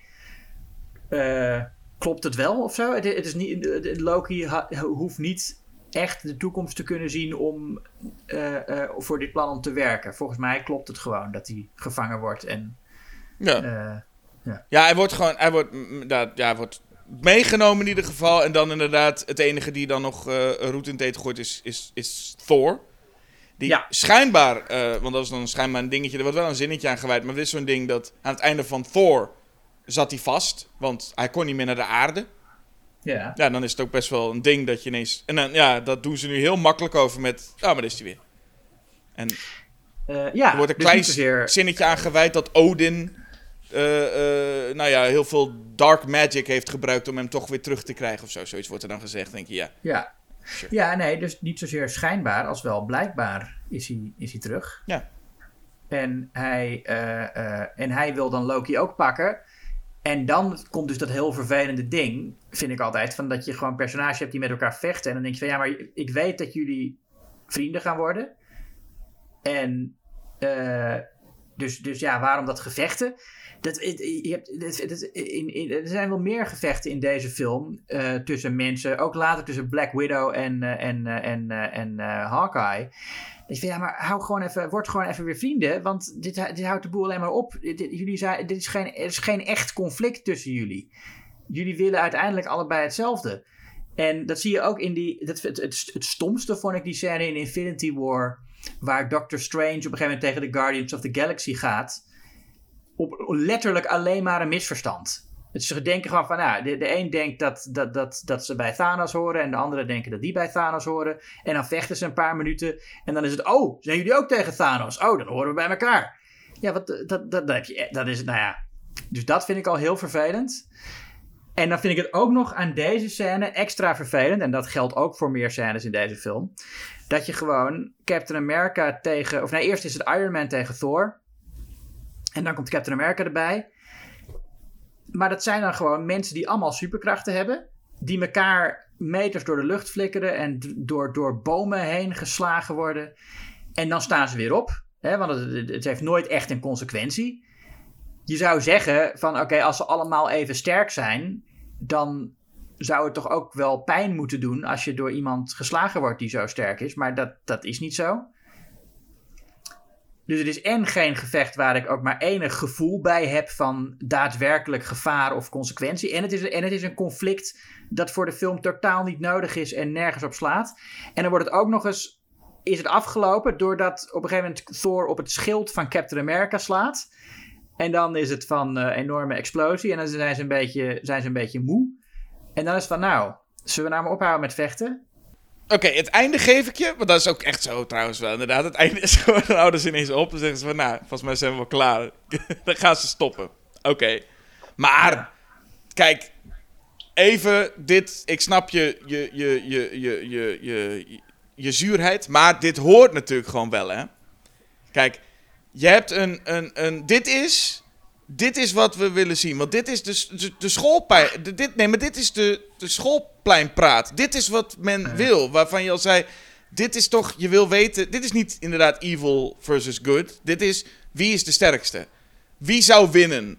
Als je Batman of Superman, wie zou winnen? Freddy of Jason? Wie zou... En dat is hier natuurlijk wat we willen zien. Je hebt een, een, een held met een heel duidelijk schild. Je hebt een held met een hamer. Dan wil je daar iets... Je wil dat zien. Daar ben je, bij, Ja, daar ben je aan jezelf dan- verplicht en aan je fans verplicht om dat te doen. Dat is volgens mij wat we willen, die, die personages. En ik vind dat ze dat in deze scène echt heel goed doen. Ik bedoel, iedereen, alles reageert even op elkaar. Iron Man wordt door die bliksem juist opgeladen. Thor die geeft juist een kopstoot aan Iron Man, terwijl die van ijs is. Die, die hamer op dat schild. Ik, het is heel leuk en het, het stalt. Ja, maar je kan, hij kan dan toch ook gewoon zeggen van... hé, hey, eh, eh, even met je hamer op een schild slaan of zo? Ja, dat is inderdaad de beste scène, inderdaad. Als we daar een scène hebben waarbij je zegt... Hé, hey, hallo, kun je even met mijn hamer op schild staan? Nee, ik snap Nee, wel maar- dat het... En, en daarnaast komt trouwens... Dat natuurlijk zeg jij... Het brengt het verhaal niks verder. Maar is het niet Loki's plan ook om deze Avengers, deze, deze, dit team, uit elkaar te drijven? Hij zit er ook een Ja, beetje maar glimlachend naar te kijken. Hij heeft hier dan misschien niet zo heel veel mee te maken gehad nog. Nee. Maar het is Nee, wel maar een- laat dat het dan zijn. En dat, kijk, in, in Captain America Civil War gaan ze allemaal vechten. Maar daar is, komt het echt uit een conflict dat ook door die personages, eh, echt, echt uit die personages komt. En is er echt ruzie. Ja, maar en het gevecht. Nee, maar zelfs gewoon- dat, dat vechten daar, want dat is ook inderdaad in Civil War. eh, Er was ook altijd kritiek op Civil War met ja. Maar al die personages, ja, ze gaan elkaar toch niet afmaken. Maar nee, maar het heeft wel echt gevolgen. Die gevechten Ja, in nee, Civil dat- War, die ruzie ja. heeft echt hele lange gevolgen gehad. En hier Ja. zijn ze nog geen team, maar we zien wel meteen, en dat hebben we meteen al door, Iron Man en Captain America zijn zo verschillend. Daar hoef je niet heel veel voor te doen om die op het randje te duwen. Nou, Thor is ook echt wel een ander soort figuur, dus dat, dat, dat, dat weet Loki natuurlijk ook. Dat gaat wel, dat gaat spanningen opleveren. Laat staan dat we nog Bruce Banner hebben. Nou, die moet je vooral in de spanningen. Er zit natuurlijk genoeg wat consequentie kan hebben en waar Loki in kan lopen vroeten wat hij wil. Dus Ja. ik zie wel Ja, voor me dat, eh, dat, dat Iron Man en Captain America, toevallig de, de twee die volgens mij niet aan het vechten zijn in die scène. Maar Ja. ik snap best dat daar een, een beginsel is gezet met, ja, maar deze mensen kunnen ook tegen elkaar het op gaan nemen. Ja, en dat is, dat is ook prima als, het, als dat voorkomt uit een echt conflict. En ik vind hier is, is geen conflict. Nee, dit is gewoon een kwestie van, wie ben jij nou weer en laten we vechten. Een beetje Ja. dat het, het gewoon, het, nou, maar dat is gewoon, zo gaat het in het dierenrijk toch ook altijd. Je gooit iemand erbij en dan ga je even vechten. Je moet even aan elkaar, even aan elkaar snuffelen. En dan is er Ja, ineens... nee. Aan elkaar snuffelen. Ja, en dan is er Ja, één keer. En nou dan, en dan heeft iemand. En dan is het even, even hard blaffen of even van elkaar afbijten. En dan. Dat is met honden vaak ook zo. Twee honden. gaan ze even vechten. ja, dat geloof ik wel. Maar dan hoef ik dat nog niet te zien. Nou ja, maar dat is toch juist het hele ding. Dat willen we juist zien.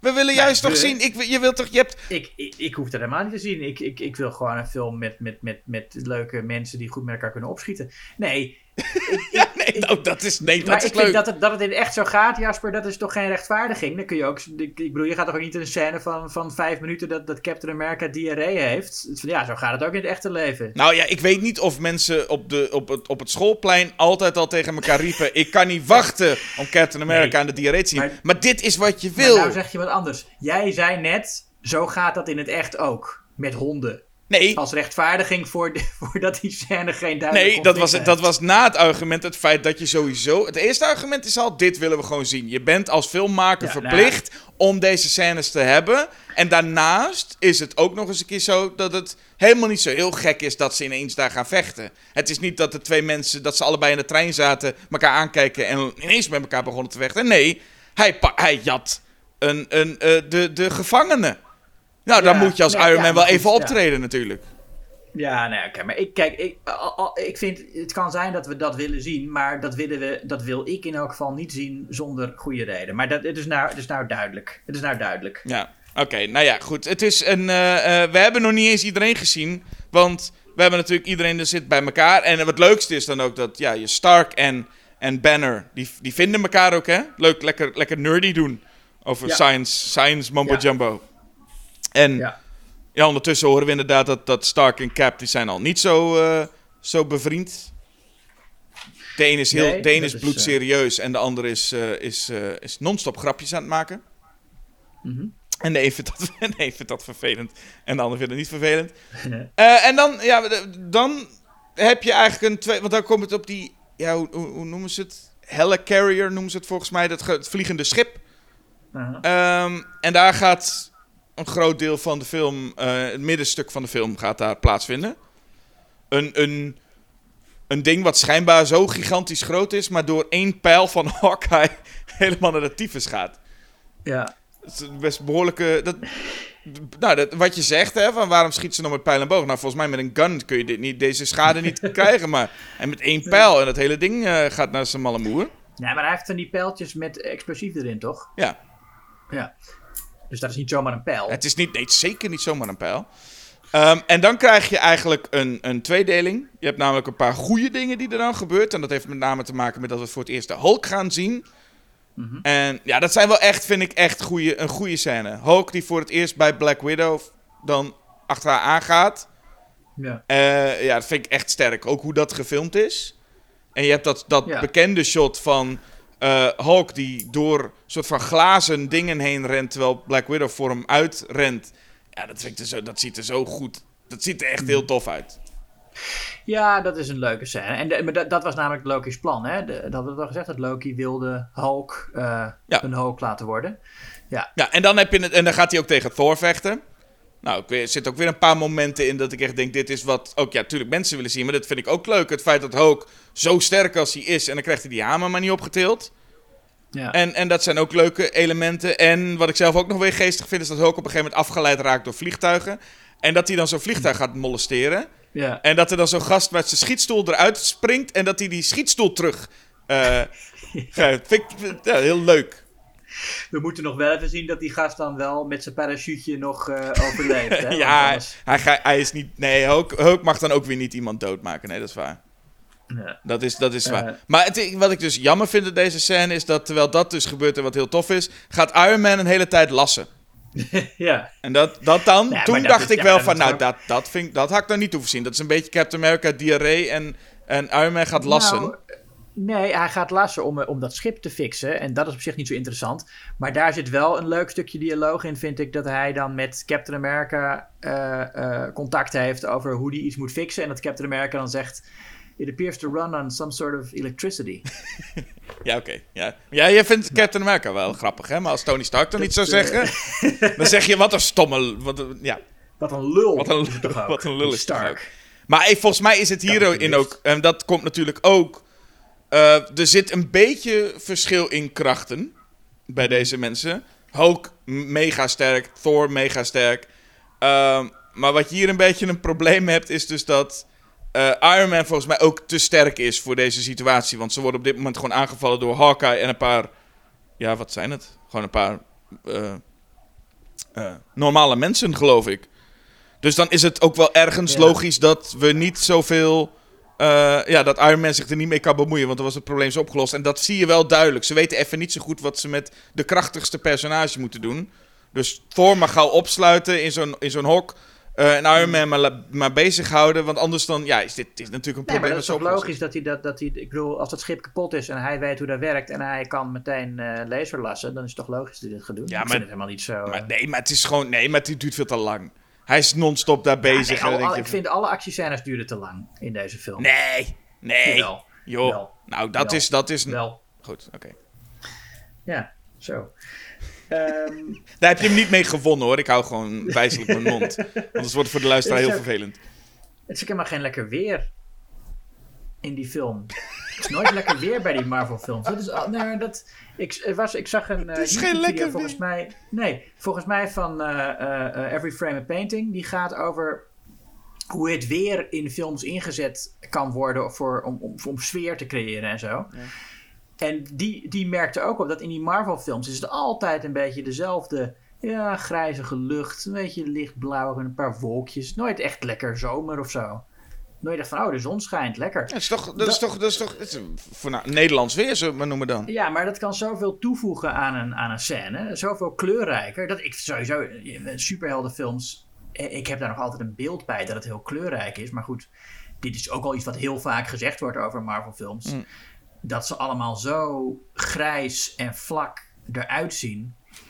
En er zijn dan the- theorieën over waar dat, waardoor, waar dat doorkomt. Van dat ze niet genoeg tijd aan kleurcorrectie besteden. en dat allemaal een beetje snel, snel gedaan wordt. Ja, ik weet het allemaal niet eh, Nee. hoe, hoe dat. eh, maar het, het, het, het, de conclusie is in elk geval: die films, de meeste, zien er echt slecht uit. Mhm. En Avatar was daarin ook echt nog een stap verder dan Iron Man qua, qua saaie kleuren. Het is echt een heel grijze film. Ja. En dat maakt die actiescènes ook niet lekker. Nou ja, het, kan, ik, kan ik ergens inkomen. Het is alleen wel zo dat qua personages de, deze film en Marvel films honderd keer kleurrijker zijn dan Avatar.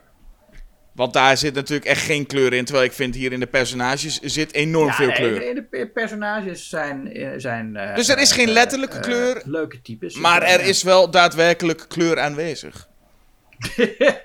nou, nou ja, wel allemaal witte mensen in deze nog. Hè? Het heeft heel lang geduurd voordat ze Black Panther een keer aandurfden. Ja, daar moest nog even. En inderdaad, kwijt. Nou ja, goed, de verdeling man-vrouw is ook nog niet super Ja. eh, duidelijk. Maar met Black Widow al wel een goede stap. Want het is wel een van de betere personages. En ik denk dat dat, ja, Ja. dat is ook wel een beetje wellicht Josh Whedon's ding. Want Josh Whedon heeft deze film ook geschreven trouwens. Niet alleen maar geregisseerd. Ja. En Josh Whedon met zijn, met, nou ja, ook eh, Buffy en dergelijke, heeft ook wel iets met sterke eh, en komische vrouwenrollen.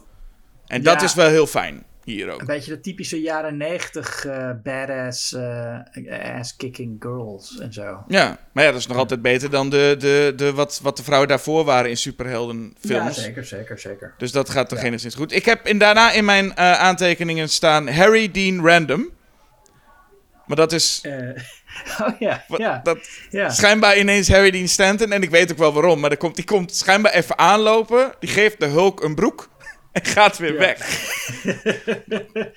maar het was eh, zo, er zit echt een hele scène die jammer genoeg dan uitgeknipt is. Maar je denkt, waarom zou je Harry, Harry Dean Stanton ineens in deze film hebben? Maar die heeft dus echt een hele motiverende scène, waarbij hij de, de Hulk eh, dus motiveert. En Mark Ruffalo, om wel zich met het gevecht te gaan bemoeien. Ehm, Oh. Dat is er allemaal uitgeknipt. Wat denk dan, waarom doe je zo'n goede acteur? Had daar dan gewoon inderdaad Stan Lee als in zijn cameo neergegooid met... Hier, Hulk, broek. Maar Ja. eh, er is dus echt een scène waarbij eh, ja, eh, Mark Ruffalo, die maar niet wil meevechten... gemotiveerd wordt door onze grote Harry Dean Stanton. Ah. En daarom gaat hij dus uiteindelijk met een motortje ook naar het slagveld toe. Maar ja, dat is er dus uitgeknipt. Dus uiteindelijk moeten we gewoon maar ervan uitgaan dat Mark Ruffalo zichzelf heeft gemotiveerd. En de anderen gebruiken, nou ja, inderdaad, Coulson's dood. Nick Fury is een beetje aan het, eh, aan het eh, manipuleren hè, met die eh, speelkaartjes onder, Ja. onder het bloed. Vind ik, wel, Ja. vind ik wel leuk dat hij dat ook inderdaad dat hij dat dan inderdaad zelf nog even onder het bloed heeft gesmeerd. Zo van, kijk, kijk, kijk. Ja, ja dan heeft hij, die, heeft hij die kaart inderdaad uit die kluis moeten halen en dan zo een Even, even... beetje langs die wond smeren. Ja. Ja, nee, maar dat vind ik wel leuk dat dat ook benoemd wordt. Dat je niet met z'n allen zit van, god, had hij die kaartjes echt in zijn zak en had hij dat echt... Maar dat er gewoon ook benoemd wordt, nee, dat had hij niet gedaan. Ja, Eh, dat, ja. En, nou ja, en, en dan is Hawkeye... Het is helemaal niet het beste stuk, want Hawkeye is dan ook genezen, want die heeft de klap op zijn kop gekregen. Het typische... ja. Dus hoe genees je van eh, dit soort dingen? Ja, gewoon hè? een klap op je kop en dan ben je er weer. En, ook weer in zo'n vervelende vechtscène met eh, Black Widow.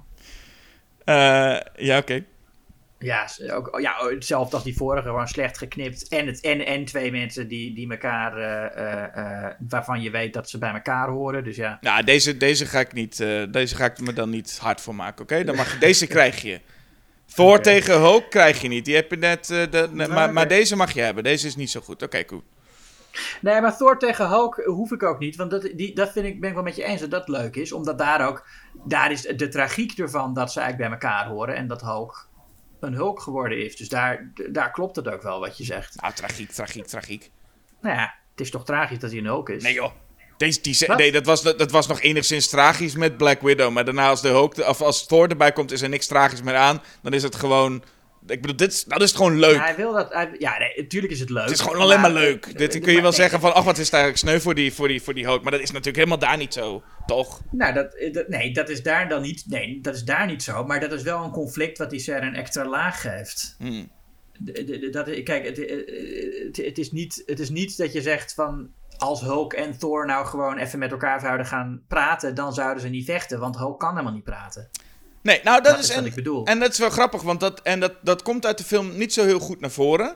Het schijnt namelijk dat eh, die, die, die eh, wat is het? Ja, een soort stok. De, de, de, de staf van, van Loki. Dat daar Hmm. iets in zit wat eh, mensen een beetje gek maakt.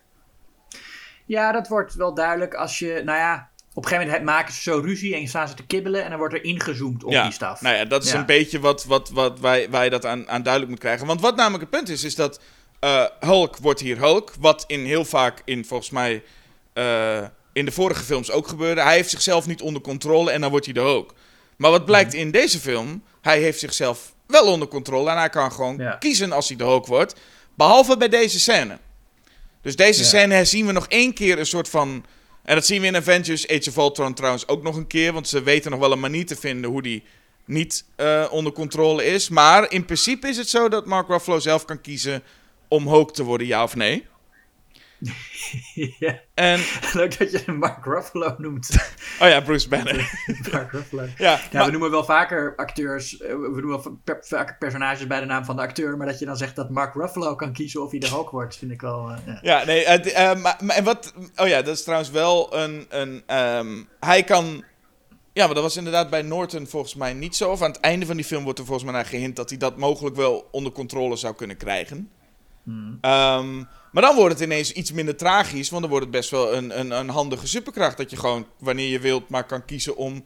eh, de sterkste Avenger van, eh, nou, van de groep te worden. Van allemaal, ja. Ja, alleen, en dat is natuurlijk wel, vond ik een mooie anekdote. Van dat hij inderdaad ook vertelt dat hij wel zelfmoord heeft willen plegen. Maar dat die andere, dat, dat de Hulk dan de kogel uitspuugt. Ja, waarvan ik me dan wel meteen ga afvragen van hoe... Want volgens mij, het duurt best wel even voordat hij in een Hulk is veranderd. En een kogel is toch best wel snel. Ja, Maar dat is ook weer een, eh, een zeikdetail van mij natuurlijk. nou ja, goed. Schijnbaar werkt het zo. ja. Maar goed, hoe het ook werkt is dat er in eh, New York vervolgens aangevallen wordt eh, door een gigantisch leger. Een veelgehoord probleem, of probleem, veelgehoorde klacht, dat in Marvel films ook altijd zo'n gezichtloos leger verschijnt. Ja, Eh, Ja. De schurk is niet één schurk, maar is altijd zo'n heel groot leger, want dan kun je heel veel vechten, kun je heel veel afmaken, boeit het allemaal niet zoveel. ja, en ik heb ook geen idee hoe die, hoe die gasten eruit zien. De, de Ch- Chatari of zoiets dergelijks Ja. is het, ja. Hoe ze eruit zien? Nee, ja, dat zijn gewoon, dat zijn gewoon aliens. Gewoon aliens op, Ja. op, op, op vliegende scootertjes. Ja, het is als, als het maar niet, als het maar niet eh, eh, heel eng is als ze doodgaan of zo. Dat willen ze altijd niet. Hè? Het moeten altijd een beetje persoonlijkheidsloze wezens zijn die je gewoon kunt afknallen zonder dat je daar eh, te veel bij nadenkt. Ja, en dat zou ik, dit dit wil ik ook zeker zeggen. Dit zijn ook een beetje rare. dit- dit- ja, hier heb je ook niet zoveel aan. Chitauri is gewoon. Dat, goed, die grote schepen waar ze zitten, dat is nog wel enigszins interessant. Het lijken van die grote beesten, maar het zijn dan een soort van bussen eigenlijk gewoon. Waar ze in zitten. Ja. Ja. En, eh, en, en dat is nog enigszins eh, interessant. Maar verder zijn het inderdaad niet zulke hele beste. eh, ja, zijn het gewoon inderdaad gewoon gezichtloze strijders. Maar ja. daar krijgen we dan wel weer onze helden voor. Die ik dan wel, daar maak ik maak voor mij het grote verschil met een actiescène, een eindgevecht van Avatar en een eindgevecht van Avengers. Want in het geval van, als ik het naar Avatar zou moeten vertalen, heb je een Chitauri-leger tegen een ander Chitauri-leger. Waar ik naar zit te kijken in New York. Hm. En daar zou wel voor mij wel echt, dan zou ik me dood vervelen. Maar nu ben ik blij dat we deze eh, eh, helden hebben. Waarvan ik het al leuk vind dat inderdaad, hoe, dat gewoon hoe die Hulk ook alweer eh tevoorschijn komt. En dan in één keer de hele, die hele bus neer, neer, neerknalt. Ja, nou ja, het verraste mij ook wel hoe leuk ik deze scène vond. En er zijn wel een aantal shots waarin Joss Whedon toch een zekere, eh, eh, ja, een beetje zijn eigen esthetiek laat zien. En daar beroemd is natuurlijk eh, dat shot waar ze allemaal met z'n allen in die pose staan. Het teamshot, ja. Ja, het teamshot. En dan heb je nog een aardige long take waarin ze allemaal één voor één je, hun, je ze hun ding ziet doen.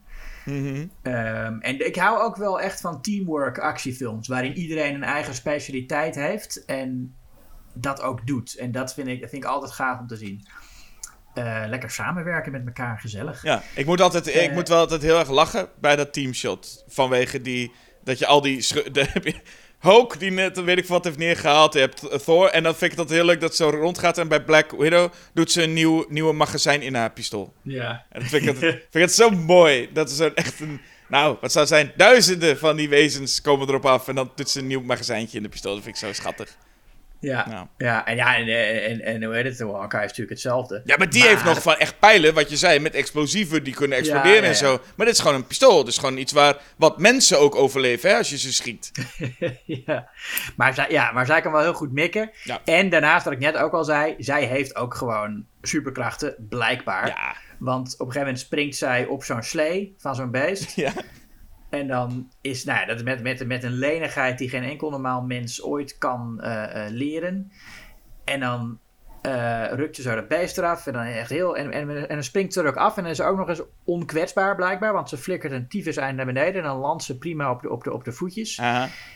En dan gaat ze gewoon verder. En nou ja, voor Hawkeye geldt hetzelfde. Die is, ja, naast dat hij onmenselijk goed kan mikken, kan hij ook absurde sprongen maken. Ja. Dus hun twee zijn ook gewoon niet. Het zijn geen. eh, die, die hebben ook superkrachten. En dat vind ik ook dus, dus saai om naar te kijken. Want. In, ze hebben, daardoor heeft het allemaal geen gewicht. Als ik zo'n zo'n Natasha Romanoff zie springen op zo'n slee. En, en denk van ja, oké, maar ik heb hier helemaal geen associatie mee. Ik kan dit op geen enkele manier relateren aan wat ik zou doen in die situatie. En ik vind het altijd leuker in een actiescène als ik ergens nog kan denken van... oké, als ik een stuk sterker of een stuk leniger was... of een stuk beter kon mikken... zou ik dit misschien ook kunnen. Ja. Het moet in elk geval niet compleet onmogelijk zijn. En dat is in Avatar. zie je ze echt zoals mensen dat zoals kunnen doen. Op dingen klimmen en mensen neerschieten. En, Wacht Ja, even, als ik, als, ik, als, ik, als ik dus eenmaal op zo'n gigantisch groot vliegend beest zou zitten, dan... Zo denk jij? nee, zo denk ik niet bewust. Maar dat is wel hoe dat werkt. Maar dus, er gebeurt er niet is veel beetje- anders dan in deze scène. In deze scène gebeurt toch ook, ik bedoel, er gebeurt toch precies hetzelfde? Gebeuren dingen... Nee, hoe, hoe zij op dat ding klimt, dat is helemaal niet hoe een. Dat, dat, ziet, er, dat ziet er niet uit. Maar je, heb je dat dan ook als je de scènes met de Hulk ziet? Dan vind je het ook eigenlijk niet leuk. Want, Nee, de Hulk, dat is een fantasiebeest. Dat, dat werkt anders. oh, dus het is puur dat Hawkeye Eh. en, en Black Widow niet fantasiebeesten zijn, maar dus wel onsterfelijk. Of in ieder geval, ja, onsterfelijk zijn in die zin. Ja, dat, en, en Iron Man vind ik ook niks aan. Eh, omdat die toch, ja, dat is een, een, de- toch ook een, een menselijke vorm. Het is een beetje, je weet je, het is ook altijd als je een film kijkt en iemand, eh, wordt een, eh, iemand breekt een nagel of zo, of er wordt een, een tand uitgetrokken.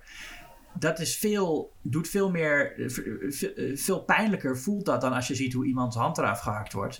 Omdat het een veel herkenbaarder pijn is.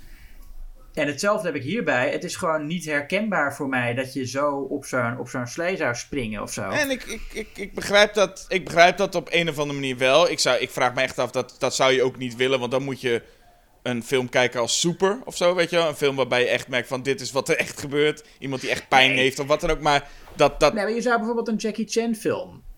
Dat, kijk, ik, ik kan natuurlijk lang niet zo goed vechten als Jackie Chan, maar het is wel. En, en die choreografieën zijn ook totaal niet realistisch.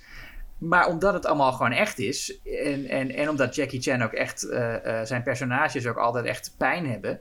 Mhm. Is het veel makkelijker om je te identificeren, vind ik, in zo'n scène. En veel makkelijker om mee te gaan met hem in zo'n scène. ja. Maar ik, Dan, eh, dan hier. Ik snap het, ik snap het enigszins, maar ik, ik, ik pik het totaal niet dat je zegt dat je dat bij deze film dan eh, niet hebt. Maar bij Avatar wel. Want als ik iets denk, is dat bij die eindscène van Avatar, dat eindgevecht, daar, heb je dat, daar, daar zie je ook...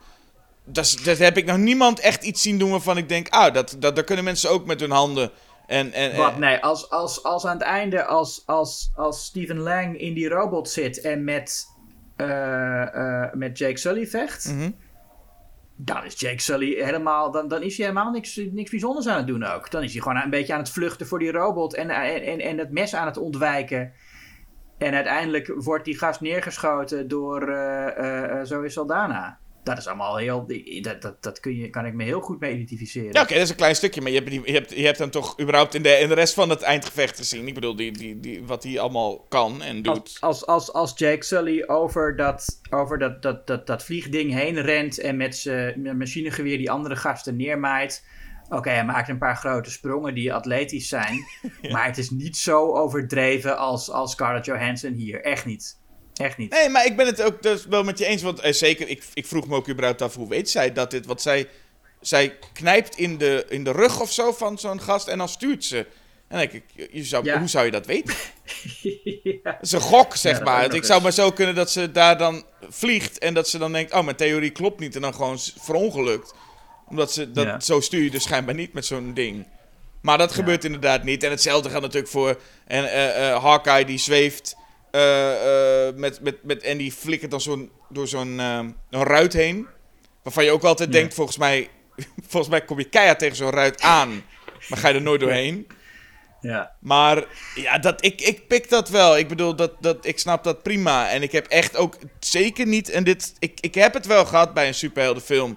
Namelijk bij Endgame. Dan weet je, er zal waarschijnlijk wel één of twee doodgaan. En dan denk je, oh, ik ben wel benieuwd wie. Maar verder kijk je echt zo'n film echt niet met, met de illusie van... wie zal er gewond raken, wie zal... Zelfs op het moment dat in Avengers Iron Man zichzelf zogenaamd opoffert... denk je echt, nou ja, neem ik aan, de meeste mensen denken niet... Nou, ik denk dat deze er eh, geweest is. Nee, maar het zou toch fijn zijn als ze wat kwetsbaarder waren. Dan zouden de actiescènes gewoon spannender worden. En niet dat je, dat, dat je dan echt denkt dat ze doodgaan, maar gewoon omdat het dan herkenbaarder wordt. Gewoon op, op onbewust niveau werkt dat zo voor mij. Ja, dat snap ik. En het is ook iets waarvan ik, nou, ik denk dat een van de betere Marvel-films die dat ook wel goed doet, is Civil War. Waarbij je echt een eindgevecht hebt tussen Tony Stark en, eh, en Captain America. Waarbij je ze echt flink gewond ziet raken. En ook wel echt voelt van: dit, dit, is, dit eh, doet pijn. Ja, nou bijvoorbeeld. En ja. dat, eh, dat is inderdaad meer dan hier. Hier is het toch inderdaad wat rondvliegen, rondschieten. eh, ehm, en ja. Met een blauwe straal. met een blauwe De- straal in de lucht. Ja, dat is. straal uit de lucht. Dat was toen ook eh, populair, hè? Was dit de eerste blauwe straalfilm? Nou, dat geloof ik niet. Maar dat heeft wel inderdaad zijn. Dus dat heeft ook lang geduurd. Dat Elke, elke actiescène had een. of elke actiefilm had aan het einde een. zo'n, zo'n, zo'n straal nodig, ja. Ja. En eh, nou ja, de hele stad gaat in puin natuurlijk. Eh, ook even gezegd hebben dat het Joss Whedon lukt om New York er heel saai uit te laten zien. Ja, is, eh, wa- wat had je liever gezien? Volgens mij is, is, is, ziet Nou het er niet gewoon uit zoals New York eruit ziet dan? Nou, nee, het, nee, het, is, het is gewoon grijs en, en, en vlak. Nou, zoals die hele film er zo uitziet. Maar hoe ziet New York er... New, ziet New York er niet gewoon grijs uit dan? Het zijn allemaal hoge gebouwen, toch? Nou, bepaalde gebieden wel, maar nee, zeker niet de hele... Nee, je hebt, je hebt, ook, je hebt, ook, je hebt ook Brooklyn en je hebt de Village en er zijn al heel andere gebieden waar, waar het... eh, Ja, maar daar vindt het gevecht niet plaats. uitziet. Maar daar vindt het... Nee, dat, dat klopt. Maar nee, maar kijk, je kan natuurlijk ook, zelfs al zit je op Wall Street of zo, je kan... eh, eh, je, je kan dat er in een film natuurlijk gewoon mooi uit laten zien. Ja, Ja, ik weet, Ik bedoel, niet, eh, ik, heb je, ik weet niet of je behoefte hebt se aan een, mooi New York. Nou, weet ik niet. Ja, ik vind het wel een mooie omgeving voor je eindgevecht. Het is nu gewoon echt een soort saaie grijze blokkendoos. Ja, maar... Oké. ja, nou, ik, ik, bedoel, kijk naar Pacific Rim of zo, weet je wel. Dat, dat, dat, daar wordt ook, een, wordt ook een, steden met wolkenkrabbers platgeslagen, maar dat vind ik een stuk kleurrijker en mooier. Ja, en ik had Pacific Rim waarschijnlijk ook leuker gevonden als de personage hem iets deden. Maar de personage... Kun je, Ja, ja. Weet jij hoe de personage, het hoofdrolspeler van eh, Pacific Rim heet? Ehm, ja, eh godsamme, iets met I. Charlie, Davy, Ah, oké. Nee, ik vind het knap.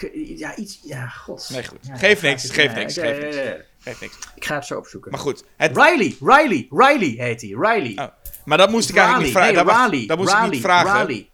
Wat? Dat moest ik eigenlijk niet vragen. Ik moest vragen, wat is zijn deal? Hoe is het, wat is het met hem allemaal? Wat voor persoon is Eh, het? hij heeft ook een broer, toch? Nou, daar ga je.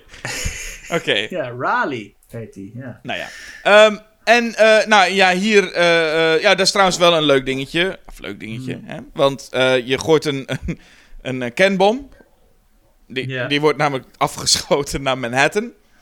Ja. En die gooi je dan tegen het moederschip aan. En dan gaan al die aliens ook dood. ja. Dat is wel een, een mooi trucje. Dat denk ik van, dit is ook wel lui eigenlijk. Ja, vind ik ook. Maar goed. Ja, maar ja.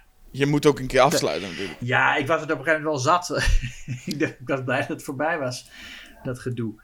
Nee, maar in die, in die finale zitten wel een paar leuke, leuke actieshots hoor. Ja, er, zit, er, wordt- er, er- er Ehm. blijft ook nog plezier wat dat betreft. Ik bedoel, dan heb je Ja. ook dat Thor en, en, en Hulk even samen zijn. En, en nou, werd, werd in ieder geval, weet ik nog, in de bioscoop echt heel erg gelachen om het moment dat ze samen als helden gepositioneerd staan. En dan slaat eh, Hulk Thor gewoon echt, nou ja, heel uncalled voor eigenlijk. maar gewoon in één keer keihard weg. Ja, Ja, ik, nee, dat is, dat is leuk. en, ja, vo- nee, en, dat is, en hoe die Loki behandeld werd volgens mij echt ook heel gezien als echt een grote... Dat was, dat was ook wel een heel mooi Ja. moment dat Loki echt helemaal kapot geslagen wordt. En dan zie je ook, dat was het inderdaad een schurk die... Ja, het was ook als, alleen als schurk ook niet zo heel veel aan geweest, want hij is, hij is heel makkelijk te verslaan. ja, door de Hulk. Ja, nou ja, Ja, dus ja. daar je niet zo'n heel team voor nodig gaat. Want hij is- Nee. En dat gaat inderdaad ook lekker lomp eraan toe. Dus eh, en wat dat betreft, Hulk is, is echt wel de, de, ja, die, die, de, de, de ster van deze show. Ja, en er zitten wat aardige momentjes in voor de personages. En het eindigt ermee dat eh, Iron Man, Tony Stark, op de grond ligt en, en, en, en, zegt dat hij shawarma wil proberen. Eh, is het 2012, hè? En de Amerikanen wisten toen nog niet eens wat shawarma was. Is het zo? Nou ja, dat blijkt. Nee, want ze hebben Want sommige Amerikanen zullen dat wel weten, maar het feit dat iemand als Tony Stark in 2012 niet weet wat shawarma is, dat eh, laat wel zien hoe ver Amerikanen op ons nog achterlopen. Nee, wacht even, hij weet wel wat shawarma is. Hij heeft het alleen nog nooit Hij heeft gegeten. het nooit geprobeerd. Ja, Maar dat is toch niet zo, hij- dat is toch niet zo hij- gek? Je kunt toch, je kunt toch geen shawarma hebben gehad? Nee, maar, nee, maar hij, hij zegt echt alsof het iets nieuws is wat men nog aan het proberen is. Het is niet een gevestigd gerecht daar. Het is gewoon. Het is een beetje zoals eh, begin 2000 sushi was of zo. Mhm. Heb je dat wel eens geprobeerd, weet je wel? Dat is het. Ah, Oké, ja, ik weet niet in hoeverre, maar ze hebben in ieder geval... Ze hebben een shawarma-zaak in, eh, in New York op dat Ja. moment. Dus het is niet, eh, het is niet onbekend. Nee, het is niet onbekend, maar het is wel iets wat, wat heel veel mensen niet weten wat het is. Hij, hij weet volgens mij ook niet. Hij zegt, hij, nee, hij, hij, hij weet helemaal niet wat het is. Hij zegt, ik weet niet wat het is. Nee, Volgens mij zegt hij, ik weet niet wat het is, Ik maar weet ik niet wil wat het een het keer proberen. hij weet Ja. niet wat het is. Nou ja, wat ik dan wel moet zeggen is dat ze gaan ook zwaar mee eten. Ja. En eh, dat vind ik dan, want dat is natuurlijk waar Marvel ook onbekend staat. We noemden het zo straks ook al, die, die, die, die credits scènes. En dit vind ik eigenlijk waar een credit scène eigenlijk voor moet zijn.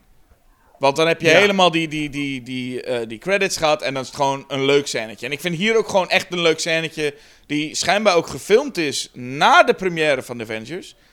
Oh. Eh, werd hij nog gauw opgenomen.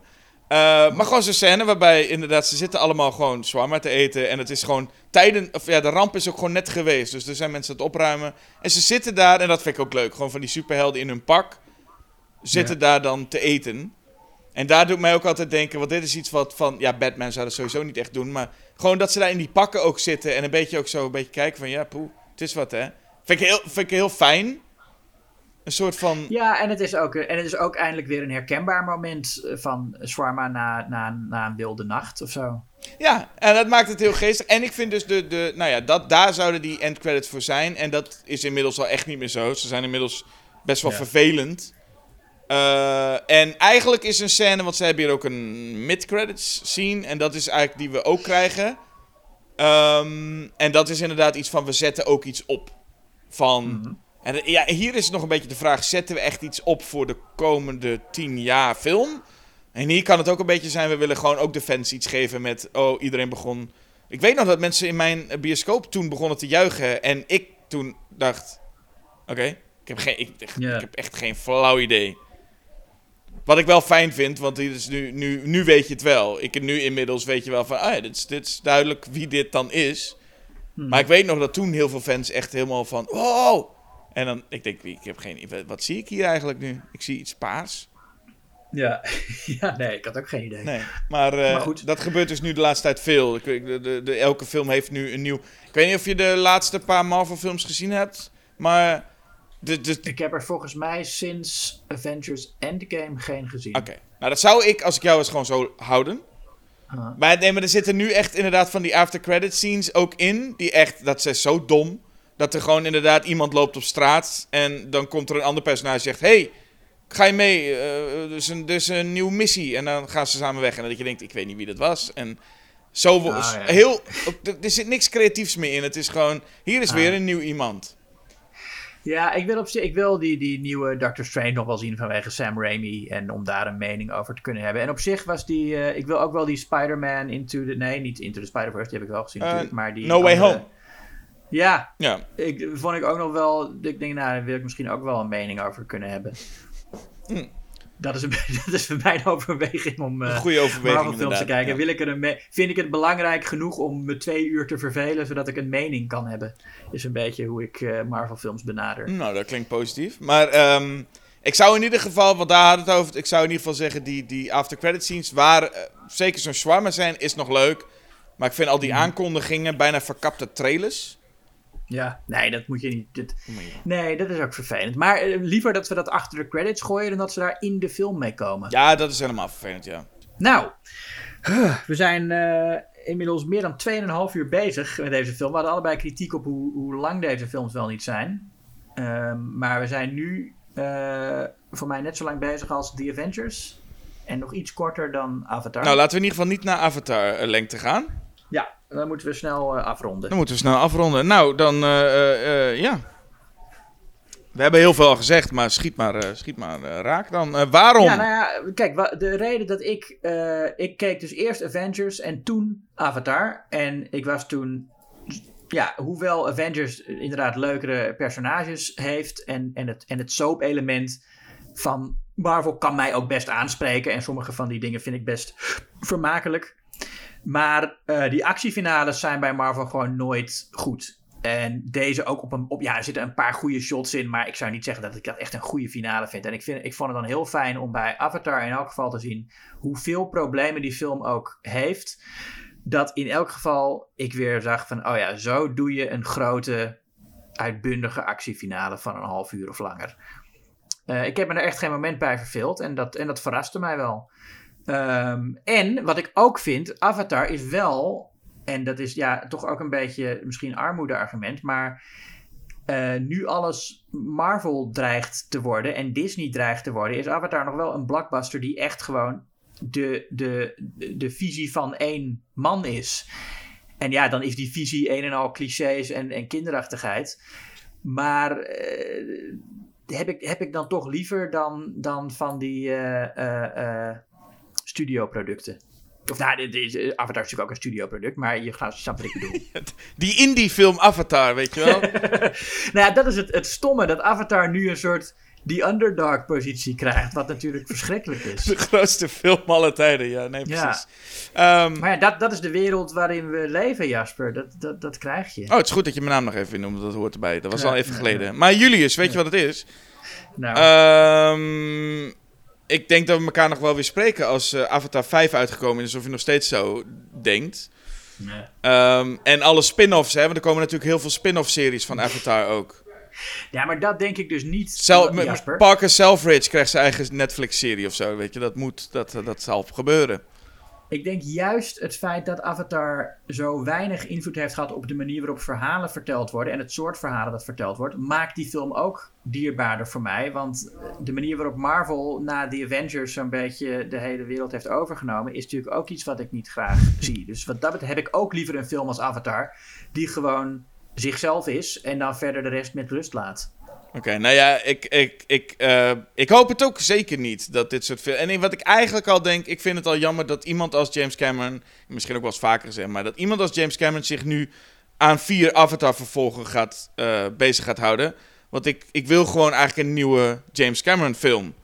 Ja, dat is wel waar. Dat is wel jammer. Ja. En dat vind ik heel jammer. Dus ik weet, wat dat betreft, en bij eh, Avengers ben ik inmiddels klaar. Maar dat komt echt, ik, tot en met Endgame. Ik weet nog, ik zat in Endgame eh, in de bioscoop. En, en, het, en, en het was, nou ja, je kan nog steeds wel eens kippenvel krijgen als je die, die YouTube-video's ziet waarbij het publiek echt uit zijn plaat gaat. En daar heb ik normaal gesproken niet zoveel mee, maar er zijn momenten in Endgame geweest dat je echt denkt, holy shit, hier is echt naartoe geleefd en eh, ja, deze mag je hebben voor mij. Dit, dit, dit pik ik wel. En ja, dat komt toch een beetje hier vandaan, van deze film. En Ja. ik kom nu niet veel verder dat ik, al een argument wat ik al steeds maak, maar de personages in The Avengers zijn enorm leuk. Ik vind ze enorm leuk. Ze werken allemaal echt goede acteurs, maar goede personages. En ja, Avatar is echt op dat vlak niet alleen maar een soort van minder dan die Avengers, maar is ook gewoon echt, echt ondermaats. Ik vind Avatar kan op heel veel vlakken goed zijn, maar ik vind qua, nou ja, script en vooral personages het echt, echt een zwaar ondermaatse film. Bijna incompetent zou ik willen gebruiken. Zo. Nee, maar echt op het. En ik vind heel veel van Avatar, maar qua script en personages is dit echt, echt niet goed. Ja. Voor mij is het absoluut geen twijfel. En ik ben benieuwd of dat voor de luisteraar ook zo is. Eh, ik ook, luisteraar. Nou, laat maar weten in de comment-sectie van waar je maar luistert naar deze podcast. Als je ermee bezig bent, kun je ook natuurlijk meteen even snel eh, een abonnement nemen op de podcast. Subscriben, zoals dat dan zo mooi heet in het Engels.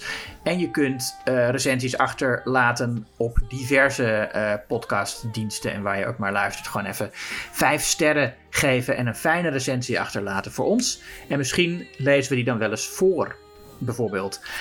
Eh, verder moet je ook nog een abonnement nemen op het blad Schokkend Nieuws en onze website schokkendnieuws.nl goed bijhouden. En eh, ja, het is namelijk zo, dat ga ik nu zeggen, Jasper. Op het moment dat je deze podcast hoort, is er al een reguliere podcast weer verschenen. Van de reguliere podcasts. Die we dus los van de Julius versus Jaspers doen. Volgende week horen jullie een interview met Nico van den Brink.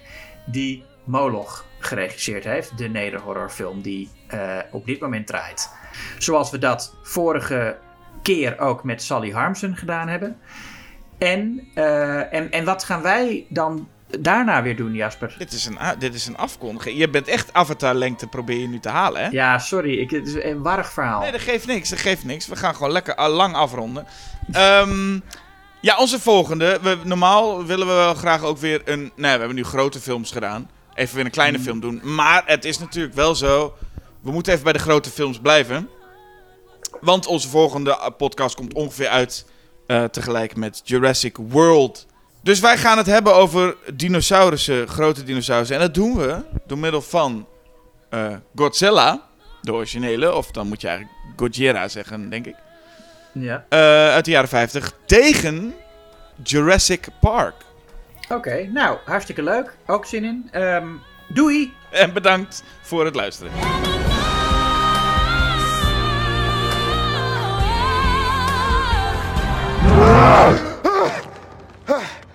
You ever tried shawarma? There's a shawarma joint about two blocks from here. I don't know what it is, but I want to try it.